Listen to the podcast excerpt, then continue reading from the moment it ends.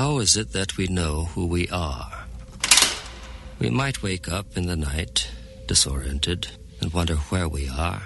We may have forgotten where the window, or the door, or the bathroom is, or who is sleeping beside us. We may think perhaps that we have lived through what we just dreamed of, or we may wonder if we are now still dreaming. But we never wonder who we are.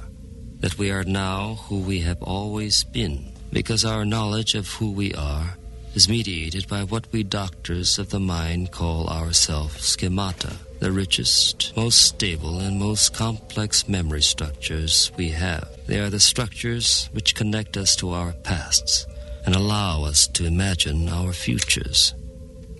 To lose those connections would be a sign of pathology, a pathology called amnesia. But it makes no sense to begin the story here without its history, its past. So, let me take you back to a proper beginning, to a time before identity has been confused. First rule of Fight Club is Shut the fuck up, Donnie. you do not talk about Fight Club. This is the View Review Podcast. Take a big step back and literally fuck your own face! Who the fuck do you think you're talking to? You can't fight in here. This is the war room. Turn it up! Turn it up! Velkommen til The View Review Podcast, episode 19. Jeg hedder Kuno, og jeg er her sammen med The Couch Killer himself, Christian Couchkiller, også bare kaldt for CK. God aften. Hvad har du oplevet siden sidst? Det er jo vores yndlingssegment. Er der kommet noget spændende? Nej, jeg vil ikke snakke om det. Hvad? Det det ikke. Nå, så der er sket noget. Hvad er det for noget, du ikke vil snakke Ja, om? du, fader, du ved godt, nogle gange så, så går man i byen, og så er man lidt uheldig, og så ender man med at, kysse med en kvinde, som så i virkeligheden ikke er en kvinde, og, og sådan, det er sket så mange gange før, og det er sket igen, og det er dybt pinligt, og det giver ar på sjælen hver gang, jeg kan, jeg kan ikke, jeg vil ikke, jeg vil ikke mere. Det tror jeg ikke, der er ret mange, der har oplevet, CK. Men det er desværre er det ikke engang første gang, jeg har gjort det. Jamen, hvad fuck sker der? Hvor går du i byen hen? Det var Esko. På Escobar. Jesus whipped. Nå, Det værste er det, jeg gjort det før, det er det værste af det jamen, var det den samme? Jeg lyser ikke. Oh my god. Jamen, hvornår finder du ud af det, om man må spørge? Jamen, der vidste jeg det faktisk godt hele vejen. Det er det værste af det. Hvad for noget siger du? Jamen, jeg vidste godt, at det var, men jeg ved ikke hvorfor. Jeg endte i hvert fald med at stå og kysse op barn. Det var det sådan det sidste, jeg huskede. Ja, Jamen, det kan da være, du er bare ved at skifte hold. det kan det godt være. Men det, det kan da godt ikke. Måske er jeg stadigvæk en eksperimenterende fase, det kan jo være. Det kan du lige gå og tænke over. Indtil resultatet er en af det, så synes jeg, det er noget, vi godt må grine med. Ja, så Det håber jeg er okay. jeg holder jer opdateret. Ja, tak. Godt. Uh, hvad har du set siden sidst? Det tør jeg næsten ikke spørge om, det er flere hundrede. Nej, jeg har faktisk kun set øh, tre film. Nå, Og, hold da op. Så jeg har ikke, jeg har ikke rigtig fået set så mange gange. Du har da virkelig haft travlt med at være ude mærke mænd til at se film. Ja, det er åbenbart. Øh, det jeg så har set, det har så været, øh, det meste af det var kvalitet. Spændende. Jeg har fået, jeg har fået set øh, de to film, I lavede en podcast, jeg ikke var med, Revanche og Mystery Road. Ja, Og det må jeg jo... Havde vi ret? Jeg giver, jeg giver, og jeg er helt enig med, jeg synes, det var begge to rigtig gode film. Jeg kunne rigtig godt lide den. det var godt. Så, det, øh, jeg var ikke helt lige så meget op at køre over Revanche, øh, som jeg. Jeg havde lige set aftens hovedfilm lige inden øh, jeg så Revanche, så den, den blegede lidt i forhold til. Så det lover jo godt for, for hovedfilmen i aften. ja, selvfølgelig. Men ellers jo, øh, kan kun gentage, hvad I sagde. Så Men så gjorde det jo ikke noget, du ikke var med, hvis vi sagde alt det, du ville have sagt. det var det, altså hvis vi bare havde sagt det samme, så kunne det ikke betale sig. Så det var fint. Og det er altid, det var det fede ved sådan en som Mystery Road, det er også bare at vise, hvor, hvor rigtig godt filmindustrien den kører ned i, øh, i Australien, og hvad hedder det, New Zealand. De laver nogle rigtig, rigtig gode film for tiden. Så, Ja, så det, bestemt. Og det, det har de været i gang med lige siden midt 90'erne. Og hvis du kan lide sådan noget som Mystery Road, så vil jeg godt anbefale sådan noget som Animal Kingdom for eksempel. Øh, rigtig, rigtig fed øh, crime thriller også. Red Hill, der også har den der lidt western-agtige følelse som Mystery Road. Og, og så har vi, at du har set uh, The Proposition, men den kan jo så anbefale til andre derude. Jeg har også set Red Hill. Du har også set Red Hill. Ja, så vi ikke den sammen. Det ved jeg ikke. Måske. Det kan jeg ikke huske. Det ved jeg ikke, om du kunne lide den, men jeg synes, det var en rigtig fed western. Øh, Jo. moderne western. Det var også med Ryan Quanten, ham som spiller den unge mesterskytte i Mystery Road, som er i hovedrollen. Ah, det er sgu da rigtigt. Der er han også med i. Nå, ja. Jeg synes, han, øh, jeg kan godt lide, øh, lide ham i, i de to film. Jeg, øh, så er han også mest kendt lige for tiden for den der True Blood, hvor jeg har set første sæson, jeg synes, det var fint, og så har jeg ikke set resten, for jeg hørte, det skulle gå meget støtte og meget hurtigt ned ad bakke. Så det ved jeg ikke, om det er en serie, du vil ind over, True Blood. Ej, Jesus. Jeg var meget stor vampyr-fan, det lyder forkert, men, men meget interesseret i uh, vampyrfiktion i min tidlige teenageår, der jappede jeg igennem samtlige Hammer Horror, og hvad der ellers var øh, at snakke om af, af vampyrfilm på det tidspunkt. Og øh, i løbet af 90'erne, der begyndte det så at køre af skinnerne med det der vampyr-shit der. Og, og det, de laver i dag, det har intet med vampyrer at gøre. Intet. Det er jo frygteligt. Altså alt det der Twilight shit, som jeg tror, det der True Blood, det er sikkert er lige sådan. Det er frygteligt. Det er pinligt. Altså, jeg tror, det sidste gang, jeg så en rigtig, rigtig fed vampyrfilm, det var Addiction. Uh, April Farrell's Addiction. Ja, det er rigtigt, men han eksperimenterer jo så lidt mere. Det er jo... Det var, men det var fordi den var, øh, den var utrolig sexy. Ja, men det var jo fordi, det ikke var en film om vampyrer. Ja. Ja. Det, altså, han brugte jo bare vampyrer, men det, der egentlig, det den egentlig handlede om, var jo at være stofmisbruger. Ja. Ja. Han, han, han byttede bare rundt på de to ting. Øh, ej, der er fandme langt mellem snapsene, når man kommer til vampyrfilm, Ja, ja. desværre. må man sige. Bare Gentos nyeste er et godt eksempel på det. Ja, den er du ikke glad for, Ej, for at sige det mildt. Ja, jamen, den er hård. Nå, jamen, øh, det var jo to film, du sagde tre. Ja, det er, ikke, det er ikke så meget en film, som det er, jeg skulle forestille sådan en docu-fiction, kalder de det. Uh, mockumentary. Uh, Last Dragon. Den er fra 2004 og er en uh, Animal Planet uh, produktion. Virkelig forfærdelig. Uh, det skulle forestille at være den her uh, fiktive, eller hvis nu drager de havde eksisteret rigtigt, hvordan vil det så være? Og den kører så to spor. Uh, og det er lidt sjovt ved den her film. Det minder meget om det, du snakkede om uh, sidste gang, hvor du, du følte, at øh, ved hemmelighedernes øjne, at, at du synes, det var lidt tung, den del, der foregik i, i nutiden, i forhold til den, den del, der foregik i fremtiden. Eller ja, nutiden, i fortiden. Ja, ja. Jeg voldede det der. Øh, Min tunge har været steder, den ikke skulle have været. Øh, Godt. og øh, den, øh, den stil, der fungerer rigtig godt, det er den, hvor du har en fortællerstemme over, og så har du noget CGI, ligesom de lavede det der med Walking with Dinosaurs, og så følger du så, hvordan dragerne, de, de skulle forestille at have, have levet i, øh, i urtiden og sådan noget ting. Den fungerer rigtig, rigtig godt. Den del, der så ikke fungerer, der hvor at du så følger den her forsker, som, hvor de finder det her drageskelet, og så er det så, at øh, han, det bliver sådan en form for øh, Dan Brown-agtig Da Vinci Code, hvor at, øh, det bliver sådan et stort, øh, hvor det viser sig, at drager har eksisteret helt op i middelalderen, og bla bla bla bla, og absolut forfærdeligt. Og det er sådan lidt, hvor man tænkte, det kunne, hvis de bare havde satset på det ene, så kunne det have været ret fedt, i stedet for det der pjat, der de endte op med. Det blev dybt useriøst, den der, øh, og fordi skuespillet var så horribel i, øh, i, i øh, den mysteriedelen, eller hvad det nu skulle kalde den. Det kan ikke anbefales. Det er desværre alt, hvad jeg har fået set. Så jeg Ja. håber, du har lidt i gang. Nej, det har jeg sgu godt nok ikke. Sorry. jeg, har kun, jeg kan kun lige nævne en. Ja, sådan er det. Øhm, nu nævnte vi sidste gang øhm, øh, den nye øh, Anchorman, og, og, og det store hype, der var omkring, at nu skulle der endelig komme to. Så øh, kom jeg til at, lidt at tænke på nogle af de andre film, han har lavet, hvad jeg havde lyst til at se igen. Og en, som jeg synes når helt op på højde med den originale Anchorman, det er Talladega Nights, The Ballad of Ricky Bobby. Den har jeg aldrig fået set. Jeg har aldrig været til det der øh, Dakota, hvad det hedder, øh, Stock Car. Nej, jamen det, jamen det er jeg heller ikke. Hvis der er noget, der interesserer mig absolut nul, så er det biler. Øh, øh, det er da ikke det, der skal skræmme dig væk. Det er da hvem, der er der er med i den, som, som skal gøre, at det er interessant. Okay. Jeg vil sige, hvis du kan lide Anchorman, så kan du helt sikkert også lide Talladega Nights. Den har sådan lidt samme Jamen, den, øh, form, samme støbe, støbeske. den må jeg jo prøve. Det er da satanem sjov. Jamen, jeg er også en af de få, der synes Semi-Pro er sjov. Jamen, Semi-Pro havde også sine øjeblikke, men den, altså Talladega Nights, den når op på Anchorman. Det vil jeg sige, hvis jeg skulle udtale mig. Hvilket jeg skal.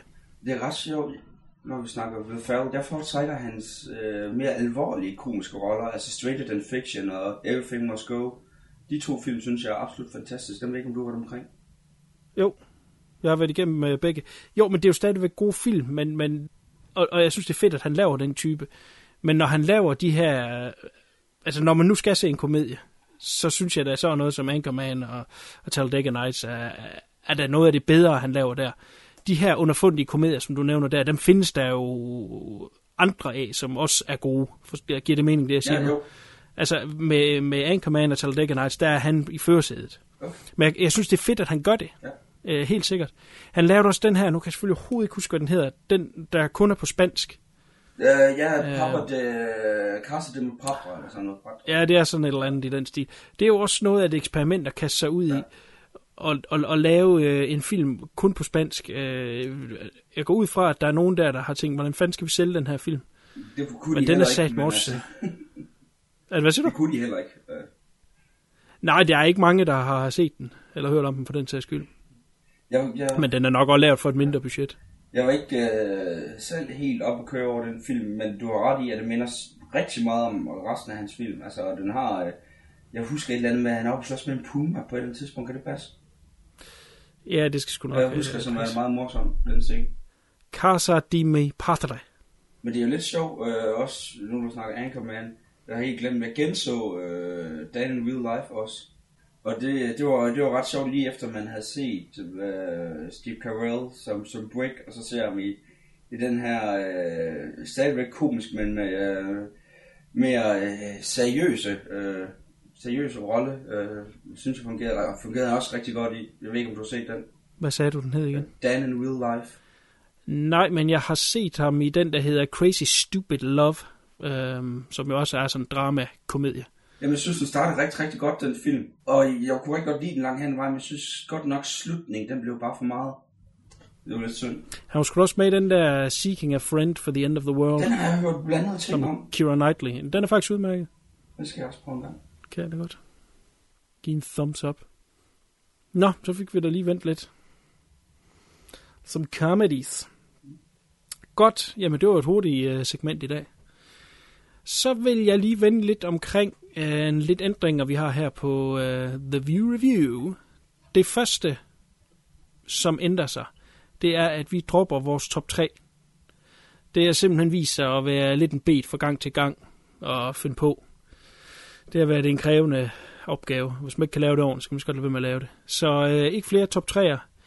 Øh, kommer der noget engang, hvor det kunne være sjovt at få ind over? Fordi de mest succesfulde øh, top 3'er, vi har haft, det har været dem med musik. Så kan det være, at det dukker op, men det vil være periodvist og, og kun ved specielle lejligheder. Derudover så prøver vi for nu af at have to film. Der vil være en øh, hovedfilm, som vi hele tiden har haft, og så kommer der en såkaldt B-film.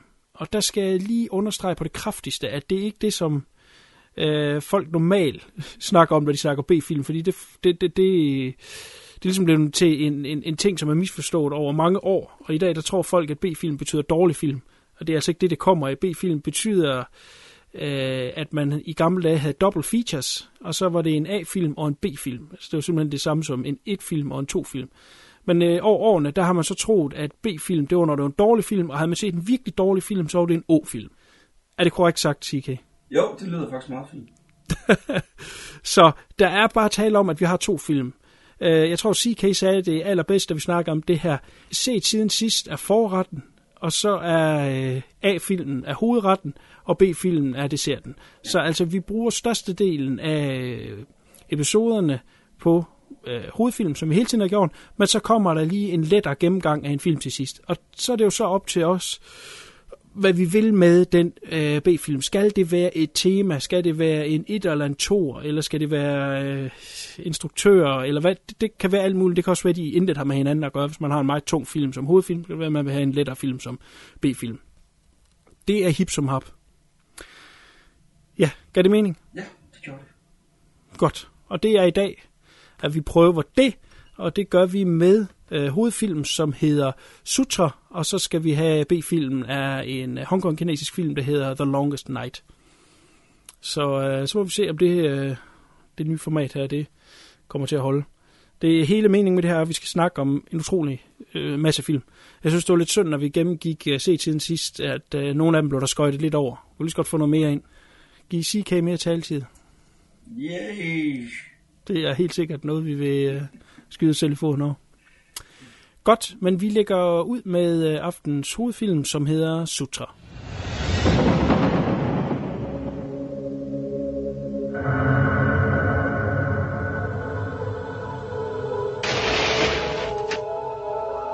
Where am I? I don't even remember coming here. Your mind is frightened to remember. There's nothing wrong organically with your brain. You have created your own amnesia. Just try and be clear about what you remember. At least your mind is struggling with your past. You're a very rich man, Vincent. I'm not sure if you already know that. But he's not behaving as he is known to. I thought I told you that the patient is the suspect in the murder case. Pro somebody who really did his homework. Do we know what he's supposed to look like? I must say it's uncanny how much this man looks like the man who shot me. Our physical similarity is disarming, isn't it? Nobody knows we're brothers. This is a very dangerous scheme. We may have to do some contouring changes and there'll be some scar revision. This particular man has had extensive plastic surgery due to an accident. Well, then how do you expect me to identify him? We're talking about two distinct lives. And one is gone. What are you looking for? It's a dead body that can't be identified. Are you sure it was a hit? I shot him in the head. There was no other way out. I didn't know what else to do. What are you looking for?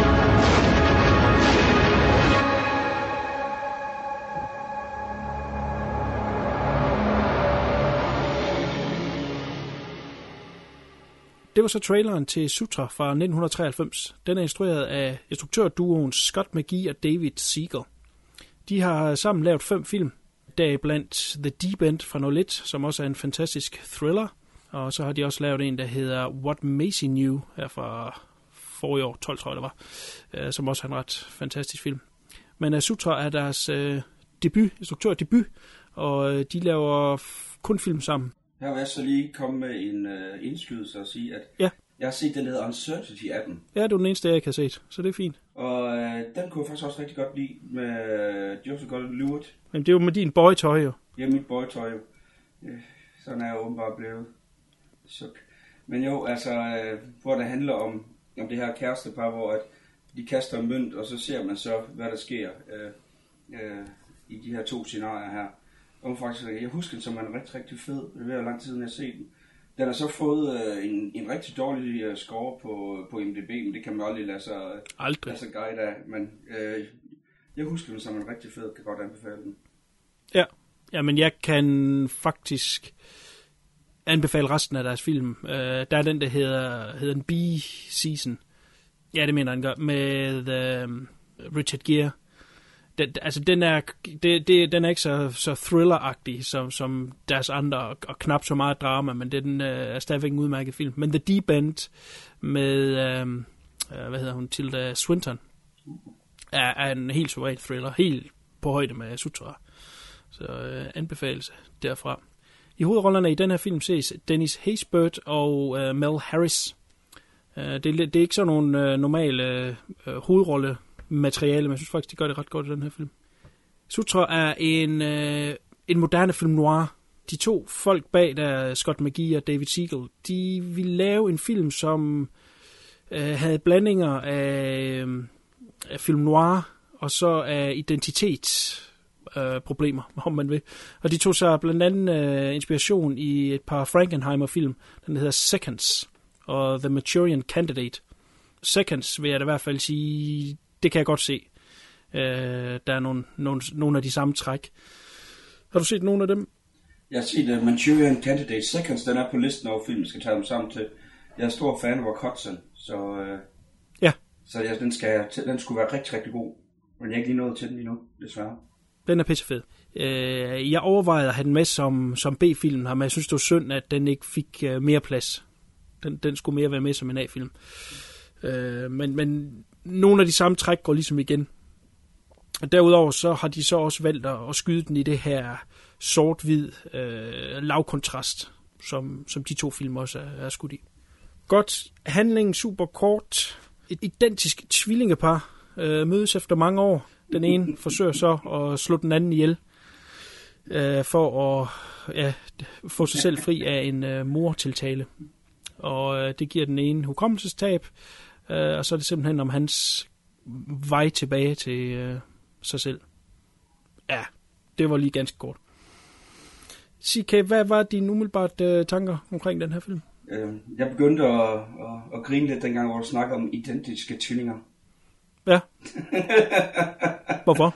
Jamen, det er jo, det er jo fordi, at, at det fantastiske er, at de har valgt to mænd, der overhovedet ikke ligner hinanden, hverken i, i hudfarve, eller statur, eller mimik, eller noget som helst. De er så langt fra hinanden, og den her film, den er, det er virkelig deadpan øh, komik. Jeg synes, det var meget, meget sjov.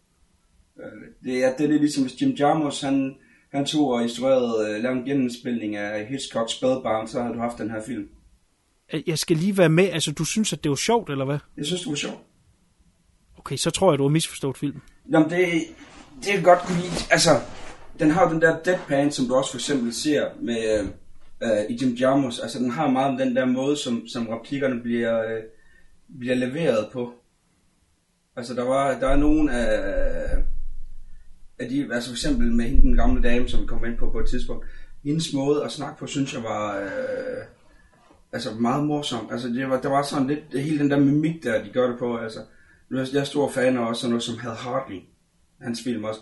Og de har også den der totalt deadpan måde at, at gøre det på. Altså, det er en seriøs øh, øh, øh, neo-noir, det vil jeg godt give dig og alt det der. Men, men samtidig med, at øh, den har alle de her seriøse ting kørende, så synes jeg også, at den havde en, en undertone af, altså en, en, en, for mig en lidt munter undertone. Det er gået fuldstændig forbi mig, hvis det er rigtigt. Og det tror jeg nu heller ikke, det her. Jamen, det er også det, fordi det, det, det er så lidt, altså det er også, da jeg og så den her, sad og tænkte, okay, det er nok ikke andre, der synes, det var en morsom film, men for mig... Nej, overhovedet ikke. Altså det, der er fedt ved øh, castingen af de to øh, vidt forskellige, altså den ene, som du selv siger, den ene er sort, og den anden er hvid, den ene er tyk, den anden er tynd, og øh, ja, øh, afrohår, og den anden har slæsk langt hår. Altså de er så forskellige, som de kan være, er jo mere, at det er deres personlighed. Øh, Øh, altså det er jo, vi er tilbage til det, som jeg har sagt, snart tusind gange, folk sikkert er pisse træt af at høre, pure cinema. Altså at vise ting, i stedet for at fortælle det, vi lynhurtigt er vi jo spurgt ind på, hvordan de er. Det, det er en måde at fortælle en historie på, som vi ser anderledes end, end det er i virkeligheden. Og groft sagt, så ved vi jo egentlig ikke, hvordan de ser ud. Øh, det hele kan være en afbildning af deres person.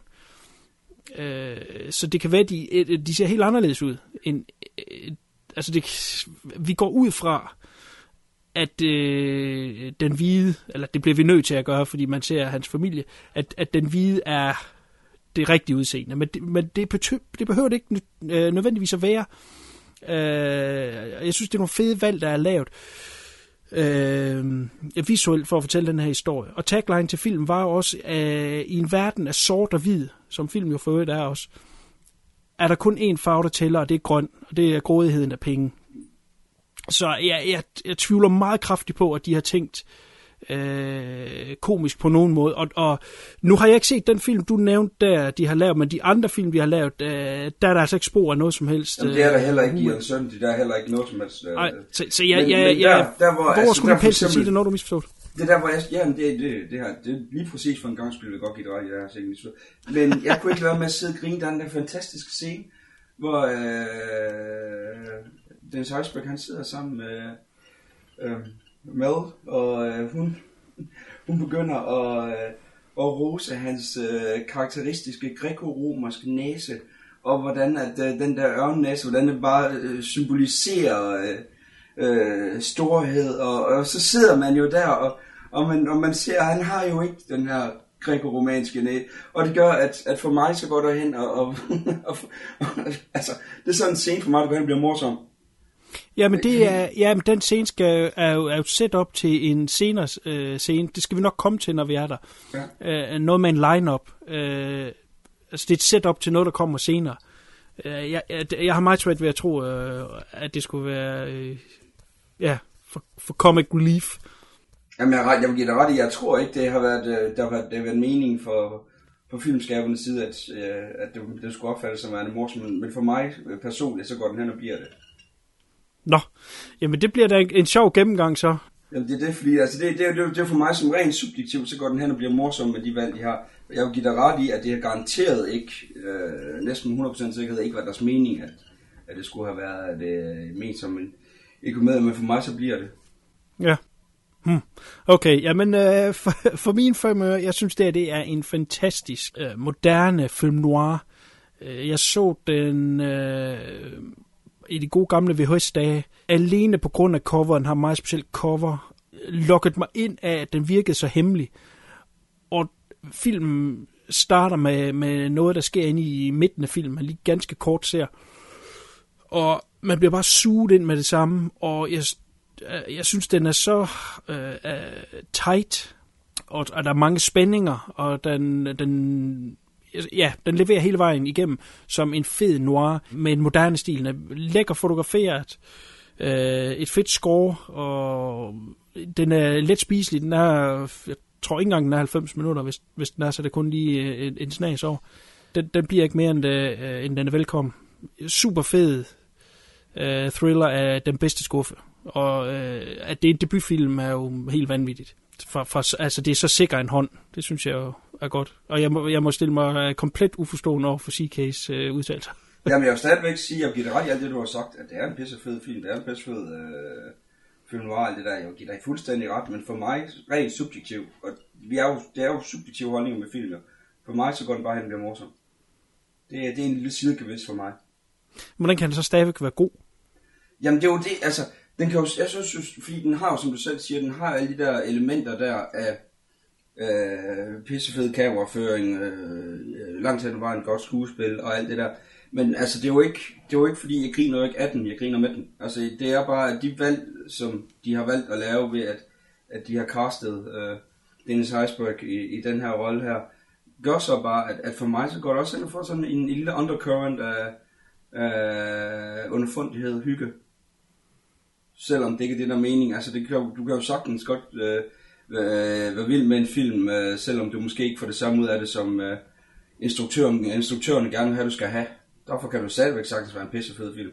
Og jeg, jeg, jeg er vild med den her, det er og det, ved, det, det er ikke, nu skal du ikke misforstå mig, Kuno, men for mig bliver den også bare morsom. Okay, lad os lade den hvile der, så vend tilbage, øh, når vi lige er kommet igennem uh, The Meat of Things. Som sagt, så mødes to identiske tvillinger for første gang – Øh, den ene er rig og succesfuld, og den anden han er mere klassisk arbejdsmand. Den øh, rige bror, som hedder Vincent, han øh, inviterer øh, arbejdsmanden her, Clay, på besøg i hans øh, dyre rigemandsbolig. Øh, der er meningen, han skal være weekenden over, for de kan lære hinanden at kende. De har set hinanden til øh, farens begravelse. Han er blevet øh, øh, skudt af en indbrudstyv, og øh, det er et setup, vi kommer tilbage til senere. Nu skal jeg så, nu er det meningen, jeg vil spørge, hvad synes du om, at de havde haft øh, en sort og en hvid til at være identiske tvilling, men det har vi så, øh, det har vi vendt. Det viser sig, at Vincent han skal på en forretningsrejse ud af byen, så Clay han skal blive øh, alene tilbage i huset.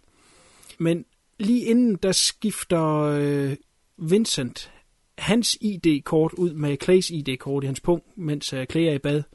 Så allerede her der er der sat noget op til, at øh, der er uler i mosen. Han spørger, øh, om øh, Clay vil køre ham ud til lufthavnen, og øh, de skal så køre i hans store Rolls Royce. Øh, Vincent har også købt det samme tøj, som Clay selv går i, sådan en hvidt jakkesæt. Og øh, mens de kører ud, så øh, siger han, at øh, han har den her øh, mobiltelefon, sådan en, der, den gamle dags, hvor den sidder i, i mellem sæderne at det er meget vigtigt, at han tager alle hans øh, forretningsopkald, der måtte komme der imellem. Øh, generelt virker han meget øh, øh, mistroisk, om man vil. Men øh, Clay, han er en ydmyg øh, arbejdsklassemand, så han, han tager det som han får besked på. Han øh, sender Vincent afsted ved lufthavnen, og så kører han hjem af. Men så ringer telefonen, og han er jo lovt, han vil tage den, så øh, han tager den. Og så er det øh, Vincent, og han siger undskyld. Og han siger, at der ikke var anden udvej. Og Clay han forstår ikke, hvad det er, øh, at det går ud på. Så trykker Vincent på pund-tasten på øh, telefonen, som udløser en bombe under bilen. Den eksploderer simpelthen. Bup! Det er starten på Sutra. Hvad synes du, CK? Har der lagt det kakkeloven? Jeg kunne rigtig godt, øh, jeg, jeg synes, det var en rigtig effektiv start. Og der er den scene, hvor øh, han prøver på, hvor Vincent prøver på at give Clay et ur, hvor du virkelig bare får beskrevet øh, karakteren Clay også, hvor han jo, han nægter at tage imod øh, det her, hvor du har den der fantastiske dialog, dialogudveksling der med, at øh, Winston siger til ham det der med, at øh, øh, det er jo ikke noget, øh, noget ondt med en med det, han vil jo bare, øh, han vil bare, det handler bare om en giving and taking, og øh, hvor Clay han, han så meget køligt siger, yeah, but I'll be all, giving all, I'll be doing all the taking, you'll be doing all the giving, for eksempel. Altså det med, at øh, han er en stolt mand, Clay. Altså, rigtig Ja. stolt. Altså det er fordi uh, Vincent kommer fra den her rige familie, Towers hedder de, og uh, de altså, er sådan kendt i medierne også. Uh, jeg tror ikke, man får at vide præcis, hvorfra de har deres penge, men, men det- er virkelig stenrige. Og Clay er jo så, uh, som sagt, arbejdsmanden. Uh, og han, han vil nødig have, at det skal opfattes, som om han kommer for at, at få almisser. Han er der bare for at, at lære broren der at kende. Vi får aldrig rigtig at vide, hvorfor de har været splittet op. Hvad tænker du? Jamen det er lidt det, det er jo, øh, igen, det er jo en af de her film her, hvor den også er skåret, skåret fuldstændig i benet. Du får ikke nogen oplysninger at vide, du ikke skal bruge til noget. Nej. Der er jo, der er jo også, det er også derfor, den har den øh, forholdsvis kort øh, løbetid. Det er jo det der med, at den er bare virkelig clean cut ind til øh, benet, og det er tit, det man ser i øh, de her neo-noirs, det er, at de, de ofte, så, så er alt fedtet bare skåret fuldstændig af. Altså det er trimmet helt ned, og, og for dem har det ikke været vigtigt for, for filmskaberne at, og, og, og udforske, hvorfor det skilt er. Det er ikke det, der, der er humlen øh, i den her film. Det er ikke det, de har lyst til at, at beskæftige sig med. Og sådan er der også andre ting senere hen, hvor at vi som ser måske vil tænke, okay, det kunne måske være meget interessant, men det har bare ikke været, været deres vision, om man så må sige. Jeg ved heller ikke, om det er noget, man savner, som så. Jeg gjorde ikke i hvert fald. Kan- Savner du det? Nej, jeg, det, det var, igen, det var ikke vigtigt for, øh, for den her film. Altså, det var ikke det, var ikke det de ville. Nej, Nej men nu er i hvert fald øh, sat ting in motion. Øh, Clay han vågner op på et hospital. Han er kommet ret slemt til skade. Han er så overlevet. Han er bundet helt ind, og han kan se med det ene øje og det andet øje, der er sådan en metalrest over, og så har han så ellers bandage rundt om hele hovedet. Det er det, der var coveret, som jeg nævnte tidligere. Det er super fedt, og ser creepy ud af helvede til at, at, at, om at ligge sådan der. Øh, og han har mistet det øje, der, der, der under den her rest. Og derudover så er der en masse af øh, brud på knogler, og, og ansigtet er også rimelig medtaget. Og det eneste billede, de har i hvert fald til at starte med, det er fra hans kørekort. Og det er jo Vincents kørekort. Så da det viser sig, at Clay han rent faktisk har hukommelsestab, øh, så går de ud fra, at han må være Vincent. Det er jo sådan lidt film med hukommelsestab og sådan noget der. Det er lidt spøjst. Det er jo det, er jo det den her film handler om. Det er jo øh, identitet. Der er en tale i starten om, at hvis man drømmer, man vågner op, så ved man altid, hvem man er i drømmen. Det, det ved jeg ikke helt, om det passer, men øh, det siger de i hvert fald her i filmen. Hvordan, hvordan synes du, det virker i filmen med, med det her identitet? Det er jo ligesom the backbone af den, for payoff til sidst jo. Men, men, men som det er her. I forhold til mange andre af, af de her øh, Mr. Identitetsfilm, så synes jeg, det fungerer især det der med, at som, som seer, så har du faktisk alle korten bord bordet fra start af. Normalt, de her hukommelsesfilm, Burn Identity og alt det der, jamen så skal man sammen med den, der mister hukommelsen, skal man jo sammen med vedkommende finde ud af, hvad der er sket. Er det sammen med vedkommende, at man, man er på den her opdagelsesrejse, hvad man skal, og så nogle gange er det godt payoff, og andre gange er det ikke. Her, det er sådan lidt, jamen, her ved du som publikum, her er humlen, han er den her person her. Hovedpersonen ved ikke, hvem han er. Og det, det kan jeg godt lide det der med, at øh, alle kortene de er på bordet, om man så må sige. Altså der er, at, at man kan koncentrere sig om, om det, som de faktisk gerne vil koncentrere sig ved, igen for at vende tilbage til det med at, at få skadet fedtet af, altså det er, øh, det er virkelig bare clean cuttet, og det skal han også have respekt for. Ja, helt sikkert. Kender du den der øh, Wolfgang Petersen film, der hedder Shattered? Øh, Med, øhm, jeg tror aldrig, jeg har fået den set. Jeg har hørt om den, ja. Hvad er det, der han hedder? Det er ikke Tom. Ja, Tom Berenger, Tom. Nej, den har jeg ikke set. Men, Den øh, er, den er lavet et, et år eller to før den her. Nå, det er også sådan en med, med hukommelsestab, hvor, ja, der er så twist til sidst, jeg ikke skal afsløre her. Men, men det er sådan en lige modsat af det, som du sagde her, med at vi følger en rejse sammen med vedkommende, der har hukommelsestab, og, og der vi skal opdage ting øh, undervejs. Hvor det her det er sådan lidt mere en Hitchcock-approach, hvor at vi, man viser alt til seeren ja. øh, øh, fra start af. Jeg synes også, det virker super godt. Ja, og, og specielt som et device hen mod øh, slutningen, som vi kommer til. Der, der er mange fede ting deri. Goodie. Vi begynder også at følge en politimand, der hedder Wiseman. Han står for opklaringen af øh, farens mor. Hvem spiller den her politimand, CK? Taggart. Ja, det skrev du også til mig, og så var jeg pisse forvirret. fordi Taggart, det er en skotsk tv-serie. Ja. Hvis det er Tackleberry, du snakker om, Havde han Tackleberry i stedet for? det gør han. Det er nemlig Tackleberry fra Police Academy. Han hedder David Graff, for øvrigt død for en, en 10 års øh, tid siden. Men hvis jeg skal sætte en lille ting i den her film, jeg godt ville have haft anderledes, så er det måske castingen af ham i den her film. Når man har lavet Police Academy i så mange år, og man ligesom øh, altså er blevet kendt på den her rolle, for dem, der ikke kan huske Police Academy, Tackleberry, det er ham, der er helt vild med våben, og nærmest har haft en øh, militæruddannelse øh, fra barns ben af.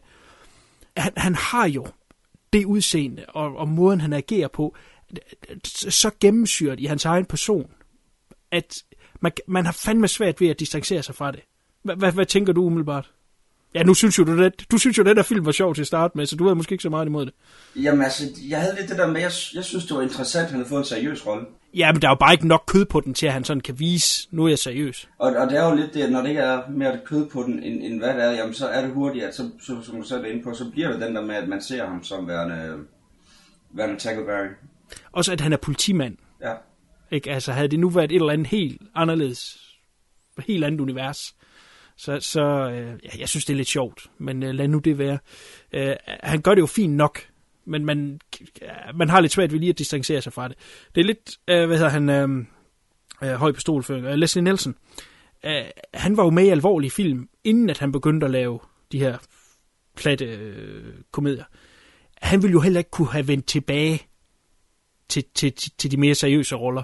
Det er så også nu, der går tilbage og ser film fra Øh, 70'erne, 60'erne og vist også tilbage i 50'erne, hvor at han kan dukke op i nogle alvorlige film, hvor man så kan sidde og grine, hø, hø, hø. Men, men dengang var det jo tilset som værende alvorligt.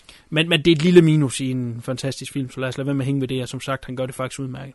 Men han er øh, portrætteret som den her politimand, som øh, måske er, er, lidt øh, bitter. Han er i hvert fald meget gang håb på at hænge øh, det her mor op på øh, Vincent. Han har et vidne, for vi at vide, fra mord på, på faren, der er der, jeg går ud fra, at hun må være noget stuepige eller et eller andet, men en, der også har været i, i deres mansion der, som har set den person, der skød faren. Det var så meningen, at Vincent skulle i en lineup, men for alt hvad de tror, så har Vincent jo lige været i en øh, bilbombe, og hans ansigt er øh, ødelagt. Så, så han er sådan lidt uh, bitter. Uh, og uh, plus hele det her med, at uh, der har været en bilbombe. Han kan ikke forstå, hvorfor at der skulle være en player mere indover mord på faren, for at få fat i alle de her penge. Så uh, han er sådan lidt puzzled over, hvad, hvad det hele det går ud på. Men han, uh, han føler du ikke, at han er rimelig gong på at få, uh, få fat i Vincent? Jo, men det er han. Altså, det er jo den der typiske besatte strømmer øh, øh, stil, han kører jo. Altså, det er jo, det er jo, det er jo en kliché i, i, i noir-genren. Men også det, at han, han går jo i, i han går sådan lidt i, i, i skovmandskjorter, ikke? Altså, der, der er også noget med, at, at føler jeg, at fordi Vincent er rig, så han skal ikke tro, han er noget. Jeg kan godt få ham ned med nakken. Jamen, det er jo det, er jo det der mods, øh, modsatrettede øh, forhold, som, øh, som den kører meget i. Altså, som hjemme Vincent, der klæder den ene rig, den anden er fattig. Det er virkelig det der med, at den, den sætter nogle øh, begrebspar op over for hinanden. Og der er han jo så også, politimanden, han er jo så oppe på arbejderklassen. Ja. Og det, det har så også meget at gøre med, når vi kommer ind på slutningen. Øh, hele den her modsatspart, der kører mellem rig og fattig. Og, og valgt, men det kommer jo ind til en avatar-slutning. Ja, lad os gøre det. Uh, vi bliver introduceret for en uh, kvindelig læge, som skal stå for de uh, operationer, som uh, Clay skal igennem nu. Rekonstruktion. Ja. Øh, jeg vil faktisk godt bruge lidt tid på hende der, den gamle dame der, vi snakkede om, øh, som så mordet. Ja, hun er jo ikke blevet introduceret i filmen nu. Jeg nævnte hende bare lige. Er hun ikke blevet introduceret i filmen nu? Nej. Okay, godt bare fortsæt. Sorry. Det, okay, jeg skal nok lige huske dig, når vi når der til. Vi bliver introduceret for en øh, kvindelig læge, som øh, skal stå for øh, rekonstruktionen, plastic surgery af, af Clays ansigt. Det er Mel Harris, der spiller øh, den her læge, som hedder Renee. Hun har som sagt kun det her lille bitte billede på kørekortet, så hun opsøger Vincents øh, stedmor og får øh, flere billeder og, og noget videooptagelse af ham.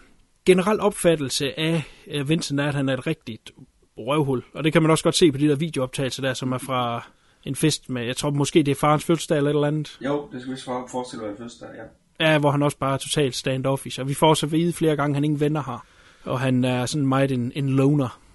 Godt, tilbage på hospitalet, der øh, vågner Clay. Han har været i koma siden øh, eksplosionen. Og øh, det er så her, han altså, får at vide, at han har hukommelsestab. Og han bliver så koblet på en øh, psykolog. Og det er en psykolog, som så gennemgående er igennem filmen, og som arbejder med ham for at få øh, hans hukommelse op i køre igen. De har alle mulige forskellige øh, værktøjer, de bruger. Der er på et tidspunkt, han har mange forskellige drømme, som han ikke lige helt ved, hvad betyder. De udvikler sig så med tiden. Men hvor han løber, og så bliver han pludselig til en bil. Og, og der, der er en ting der, hvis man skal snakke om noget, der var lidt sjovt, så var det, at psykologen begyndte at snakke om, at vigtigheden af bilmærket kunne have noget at gøre med noget fortrængt. Altså for eksempel, jeg tror hans eksempel var, at hvis det var en Oldsmobile, så kunne det være en old car, og så kunne det være noget med faren at gøre. At, at den, den var måske lige uh, lidt til en komisk side. Den vil jeg godt give dig. Men, men nu er jeg heller ikke sådan en, der er så imponeret af sådan nogle Uh, psykologiske øh, ja, mumbo-jumbo. Jeg ved ikke, hvad du tænkte der. Jamen, jeg, jeg, jeg har det lidt, lidt på samme måde. Det var også det, var det som for eksempel kritiserede Argento-filmene for. Det er også, hvordan at det nogle gange godt, de her film kan gå hen bare og blive, blive for meget det der mumbo-jumbo-ting der, hvor at de ligger ufattelig meget vægt på det. Og det gør de også i den her film. Men der er så payoff til sidst også, som jeg synes er ret fedt. Ja, Jamen, vi kommer tilbage til mange af de ting, ja. der øh, så, senere hen. Men øh, nu hvor Clay er vågen, så får han jo så at vide, øh, altså for det første, at han er Vincent. Han kan jo intet huske omkring Clay. Øh, han skal til at, at, at ja, lære sig selv at kende, er vel den rigtige måde at sige det på. Han får så også her at vide, at han er hovedmistænkt i øh, morsagen på øh, faren, og det er tydeligvis noget, der trykker ham meget. Han, han spørger sådan meget specifikt ind til, hvordan døde faren. Øh, han blev skudt, om hvor mange gange blev han skudt. Og viser så også, han blev skudt i hovedet tre gange. Så det er sådan rimelig brutalt. Så er vi tilbage ved øh, vores gode ven Tackleberry. Wiseman hedder han jo så i den her film. Og han er hen og snak med et vidne. Det var noget, du gerne vil snakke om. Ja.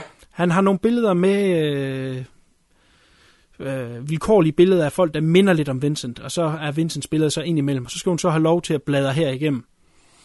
Øh, hun udpeger så umiddelbart Vincent, men som hun siger, stillbilledet er helt anderledes end, end virkelig, så hun, hun synes, det er ham, der minder mest om det, men hun vil gerne have lov til at se min line-up, og der er øh, Weissman jo lidt på den, fordi at, øh, at Vincent jo som sagt er, er rimelig deform nu. Men øh, der vil du gerne lige øh, smide noget ind. Ja, lå du mærke til, hvad de to fugle øh, hedder, dem hun havde? Shit. Ja, hun sidder ja. og... Det er, det, er nemlig, fordi, det, det er faktisk ret fedt, fordi hun har jo, hun har jo de her to fugle her. Hugin ja. og Munin, hvor Hugin er død. Hugin og Munin, det er jo øh, to fugle fra nordisk mytologi. Det er jo Odins øh, budbringer, hvad man kan kalde det. De er de her fugle, som flyver ud øh, hele dagen lang, og så kommer de tilbage, så sætter de sig så på hver sin skulder af, af Odin, og så fortæller de så, hvad der er sket i, øh, i rigerne. Og det er faktisk ret fedt, fordi det som de øh, betyder, for eksempel Hyggen, den der er død, den betyder at have i tankerne. Og Munin, mm. den som lever, det er han som minder. Så allerede der, så øh, bare ved, ved navnet af de her to fugle her, så har de jo virkelig også bare grebet fat i øh, filmskaberne, øh, hvor de virkelig også bare øh, kører det der med, at jo, vi har noget med, det gennemgående tema med identitet. Allerede der med, med fuglens navn har de, det er jo virkelig noget, de bare har tænkt over også. Altså det, det jo ikke tilfældigt. Og det, det synes jeg er ret fedt også, at, at, det, at bare der, så, øh, så går den meget ud af og, øh, og, og, og, og få pointen igennem. Hvis du Ja, forstår, hvad jeg mener. Jamen, det gør jeg. Øh, Jeg vidste ikke det der. Jeg sov min skoletid væk. Det er jo dumt nu, kan jeg så høre. Men øh, det- jamen, det lyder øh, øh, interessant. Helt sikkert. Det var en øh, stykke trivia, jeg ikke vidste. Men det var det, jeg vidste, fordi du plejer ikke så meget i nordisk mytologi, så jeg tænkte, der kunne jeg lige Ej, det gav mig så meget i. Så der kunne jeg lige brillere for en gang skyld. Lige, Ja. ja. lige pusse min egen glorie. Så det gør jeg lige. Det er et eller andet, der var med i Thor. Ja. Oh. Ellers så vidste du det ikke. Godt. Øh, en samtale mellem øh, plastikkirurgen der, René, og psykologen afslører, at psykologen mener, at patienten har ændret sig, og patienten selvfølgelig værende øh, Clay, fordi de har den her opfattelse af Vincent som værende øh, ja, det her kæmpe røghul.